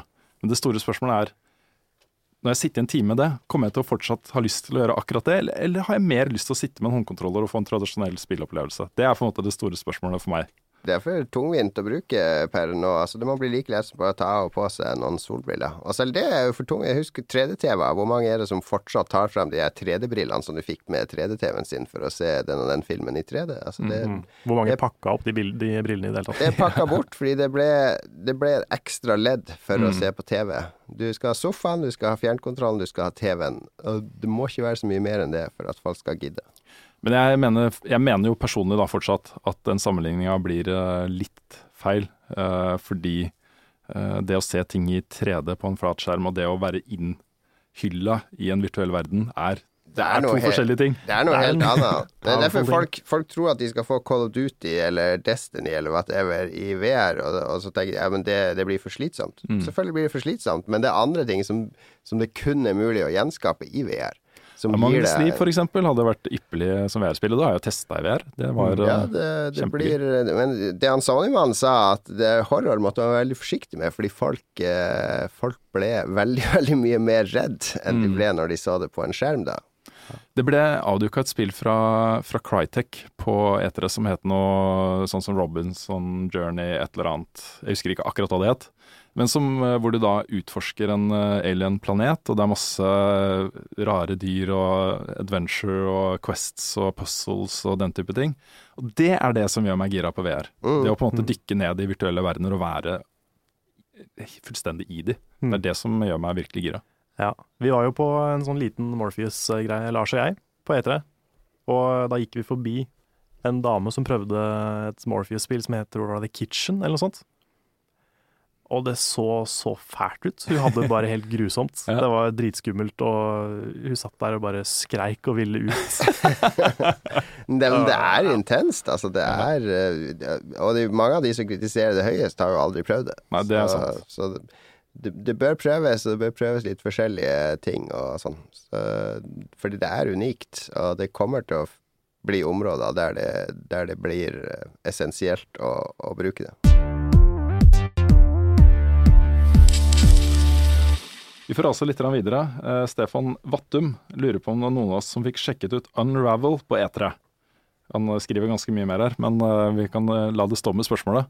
Ja, jeg rakk ikke å spille det. Nei, jeg rakk ikke å spille det selv, men holy moly, altså. Det var så lekkert ut. Mm. jeg fikk litt sympati for han litt søte, sjenerte developeren som kom på scenen og viste det fram. Ja. Eh, det, men det så utrolig koselig og gøy ut. Mm, jeg, jeg husker at jeg ble litt sånn stressa av å se den traileren også, fordi uh, han sitter jo, garnet sitter jo fast. Altså, hvor mye garn er det i den stakkars lille fyren, liksom? Kommer, kommer det til å ta slutt en eller annen gang i løpet av spillet? Det er svensk de spiller, ikke Jo, svensk. Det er veldig kult. Ja, det, det så veldig, veldig morsomt ut. Det er liksom typisk et sånt indiespill som jeg kan bli veldig glad i. Hmm. Mm. Et annet spill vi ikke fikk se noe av på etter, var jo Inside, fra Ja, det Limbo-utviklerne. er sant. det, er, var et par sånne spill som mangla der. Inside og Rhyme, eksempel. Ja, altså det der eh, Det er kanskje ikke et indiespill, men Phantom Dust. Ja, Det det, ble det er kansellert, det nå. Det Er det kansellert, ut, uten utvikler. Uten utvikler. Oi. Ja, eh, det kom en nyhet om det i går, eller var det i dag? Nylig. Ah, ja. Ja. Jøss. Så, så det er eh, muligens helt borte. Det er så bra at de er annonserer ja, spill som bare blir borte. Ja, det er det som er så farlig med årets etere. Det er så mye ting som er annonsert så langt inn i framtida at eh, plutselig så er det bare borte. Altså, Mm. det, jeg husker mange spill vi har sett på scenen hos Ubisoft, for eksempel. Husker du de hadde et sånn Inglorious Bastards-type spill? Sånn andre verdenskrig-spill med litt sånn derre eh, barske, tegnefilmaktige karakterer som de visste på scenen. Pluss det er ingen som har hørt noe mer om. Det var ikke- det var Furious, ikke det som ble Furious Fuse. 5 eller noe sånt, tror jeg det het. Ja. Å ja, ok. Ja, Nei, det var ikke det som ble Fuse. Nei. Nei, Eller det, Agent? nei Fuse eh, var noe annet. Agent, eh, masse ting som blir name-droppa på etere, og årets etere var det mest name-droppe etere noen gang, med litt trailere her og der, så jeg ble litt bekymra. Mm. Øyvind Larsen lurer på om eh, Det er egentlig til meg, nå, men det er, vi tar det til alle. eh, Om vi har spilt det første spillet til Quantic Dream, Fahrenheit. Hvis vi har spilt det, hva syns vi om det? Jeg vet ikke om det var det første, men det var i hvert fall det de slo gjennom med. Ja, jeg har spilt uh, de første tre-fire timene av det, tror jeg. Mm. Uh, Jeg kom meg ikke helt gjennom det. det var, jeg spilte det litt for seint, tror jeg. Jeg har spilt det gjennom og anmeldt det, og husker jeg ga det en femmer. Uh, Jeg likte det veldig godt. Det hadde jo sine issues, det også. Mye klønete rart i det spillet, men det var mye kult også. Og så føltes det veldig annerledes ut enn alt annet da det kom. Så det var et veldig friskt pust. Jeg husker f.eks. det var en sekvens der hvor du eh, spiller gitar eh, for kjæresten din. Og hvis du er veldig flink til å spille gitar for kjæresten din, så kan du ligge med henne. Ja, var det den første kleine sexscenen til eh, Ja. David Cage? Det stemmer. ja, Det er hver gang. Ikke sant? Det var eh, morsomt. Tror det første Quantic Dream-spillet var Nomad Soul, hvis jeg husker rett. Det er helt riktig. David, Ca- David Cars, som vi liker å kalle han siden Mm. han er fransk. Eh, det var med David Bowie var med å, jobbe med det spillet. Men eh, jeg husker Farnight godt, fordi det hadde en unik visuell stil. Altså mye kameravinkler, veldig filminspirert, og, og eh, det torde Litt som med Kojima, som tør å ikke ta seg sjøl så seriøst alltid, så gjorde det spillet det òg, da. Det er Mm. litt friskt. Så var det et mordmysterium, og det var liksom Mm. en del ting der som likte veldig godt, altså. Ja, for du spilte jo som både han som var anklaga for å være morderen, og de som etterforska han, ikke sant? Nei, det husker jeg ikke. Gjorde man det? Gjorde du ikke det? Jeg tror, jeg tror ikke det. Ja, nei, I Fahrenheit? Nei, du var morderen, men ikke etterforskeren, tror jeg. Det var ikke det hun dama og han eh, som drev og er, er etterforska jeg tror det er mye ved det spillet som har uh, gått litt tapt i alle de andre spillene jeg har spilt siden en gang. Det fins vel til IOS nå, da, så man kan jo til og med spille det der. Å ja. Truls Nordby Olsen lurer på angående The Last Guardian, hva er grunnen til at det er så stor hype rundt spillet? Flinke skapere, eller bare traileren i seg selv? Eh, Det er ganske enkelt å svare på det. Hypen er skapt av de opplevelsene eh, mange av oss har hatt med Ico og Shadow of the Colossus, som er to veldig unike spill. Eh, Og spill som har satt veldig dype spor i de de traff veldig godt, da. Så det var jo ikke, det var ikke noe storselgere noen av de to spillene, sammenligna med mye annet. Så, så er det litt sånn kunstspill. Men, øh, men det er på en måte de følelsene det skapte i meg og mange andre, gjør at alt som kommer fra Fumito Ueda som spillskaper, er en big deal, liksom. Mm. Det er det som er grunnen. Og så litt at du har den der kjempesøte, rare fuglehunden som uh, tar vare på deg. Flaggermusrotta, som vi kalte den for i fylla på Klekken. ja, ikke sant? Nei, fordi det er jo litt sånn eh, Jeg har jo merka også eh, sånn i nyere tid, hver gang vi snakker om Shadow of the Colossus og ICO, så får jeg en mail eller en twittermelding fra noen som uh, nå har hørt meg snakke så mye om det spillet at det har gått til anskaffelse av den uh, oppussa versjonen til PS3. Ok. Um, og får liksom oppleve den nå, da, i nåtid. Og det er litt det samme altså Det er fullt mulig å oppdage Fumito Ueda for første gang med The Last Guardian, og så eventuelt da gå tilbake. Jeg tror også det spillet lanseres Eller eh, representerer noe som var gått tapt, ikke sant? Fordi rett etter Shadow of the Colossus og sånn, så kom eh, vi, og så skulle alle begynne med Move-kontrollere og Kinect, og det, da kom vi inn i den der E3-perioden der det var litt sånn eh, Du følte gamere ble litt sånn tilsidesatt. Det var liksom bare skytespill, Call of Duty og sportsspill, og så var det Move-spill og, og tullespill og IOS og alt mulig. Så det var slutt på de der eh, kunstneriske spillene som vi trodde skulle komme. Så Last Guardian har liksom representert det kunstneriske, dramatiske, det som skal gripe oss i hjerterota. Mm. Og det å få se det tilbake på scenen, det er sånn derre Bekreftelse på at uh, takk og pris, Mm. nå er det vår tur igjen. Og så har jeg blitt mye hetsa fordi jeg har gleda meg til The Last Guardian. På alle sånn previews for 2013 og 14 og 15 og, og sånt, Ja. så har liksom det toppa lista mi. Og etere, hva gleder du deg til etere? Jeg gleder meg til å se The Last Guardian. Og til og med du, Jon Cato, har liksom, du kommer aldri til å se The Last Guardian. Nei, jeg trodde ikke de skulle det, men nå er de er jo helt desperate nå etter å dekke over hvor lite de har til høsten. eller et annet. Men eh, nei, ja, de, de dro jo frem alle kluter, så det var gøy å se det da. Men det var, det var rart at det, at det har omtrent ikke skjedd noe på seks år med det spillet. Da. Det, det er jo litt foruroligende. Mm. Det har jo vært i limbo i mange år. altså De har jo sikkert begynt å lage det igjen nå nylig. Ja, men min eh, Ja, det, det har jo Altså, jeg, jeg tror ikke det har vært helt i limbo. Hver gang jeg snakka med Sony-folk om det, og noen ganger også sånn off the record, så er det jo sagt at det jobbes fortsatt med spillet. Uh, jeg vet ikke om det stemmer eller ikke, men for min del i hvert fall, så trenger det ikke å skje så mye nytt med det spillet. Det er på en måte Så lenge grunnkonseptet er der, og det er Fumito Ueda, han styrer greia og gjør sin ting, liksom, så er det nok. Det, det trenger ikke å se ut som uh, uh, Gears 4 eller Uncharted 4, eller det trenger ikke å se sånn ut i det hele tatt. Det, er, det kommer til å se ut som det ser ut, og det holder, på en måte. Så ja, jeg er litt sånn, kanskje litt ukritisk til akkurat det, men uh. Vi får ta tre kjappe spørsmål til slutt, som handler om, om programmet. Eh, og så tar vi sommerferie. Ok? Roland von Hasseleid eh, lurer på, ville dere, hvis dere kunne, kjørt programmet på TV hver uke hele året, stort sett, eller synes dere det er greit å holde det slik det er nå? det svarte vel på litt tidligere i programmet, det er greit med en pause mellom sesongene.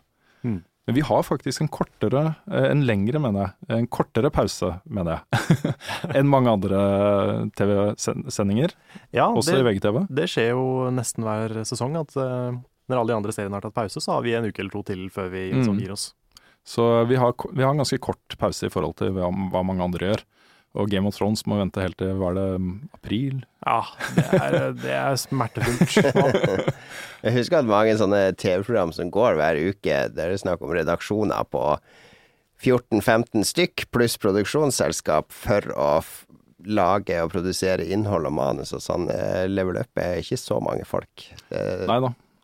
Det er jo ikke det. Så vi, tre vi, trenger, vi trenger de to månedene mellom eh, sesongene, ja, vi gjør det. rett og slett. Jeg tror det verste er jo sånne britiske serier, for de har jo bare sånn fem-seks episoder, Mm. og så er det et år til neste gang. Ja.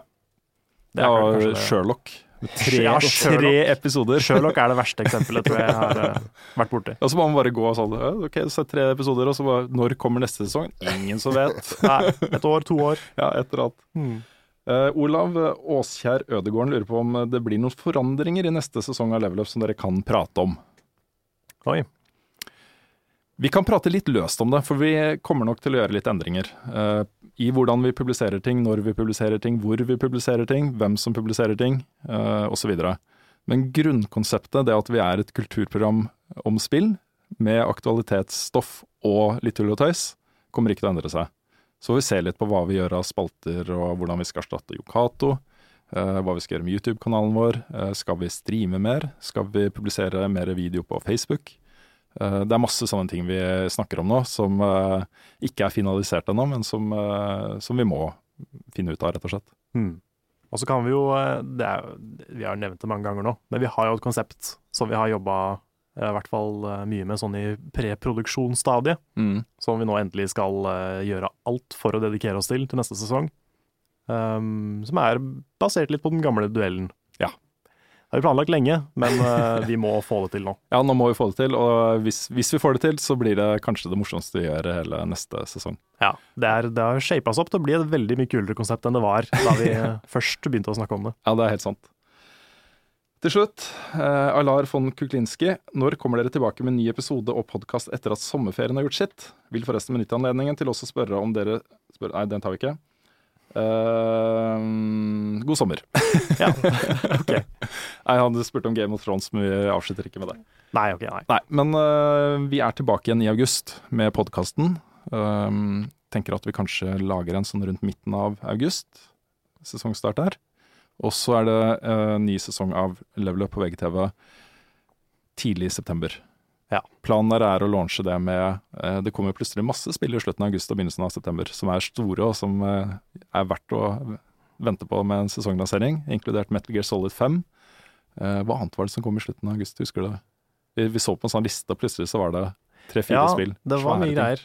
Det var Jeg husker ikke i farta hva det var for noe. Nei, ikke jeg heller. Men, uh, Men Fallout er tidlig, eller ikke tidlig, det er vel i november, det. ja, det er november. Mm. Taken King er 15. september. Det er det.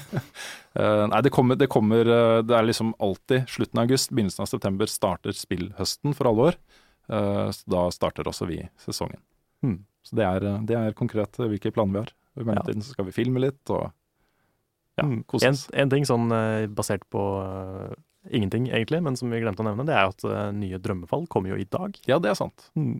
Det er sant. Så Så har vi nevnt det også. da har vi nevnt det også. Mm. Du tar kanskje en titt på det. Det gjør jeg.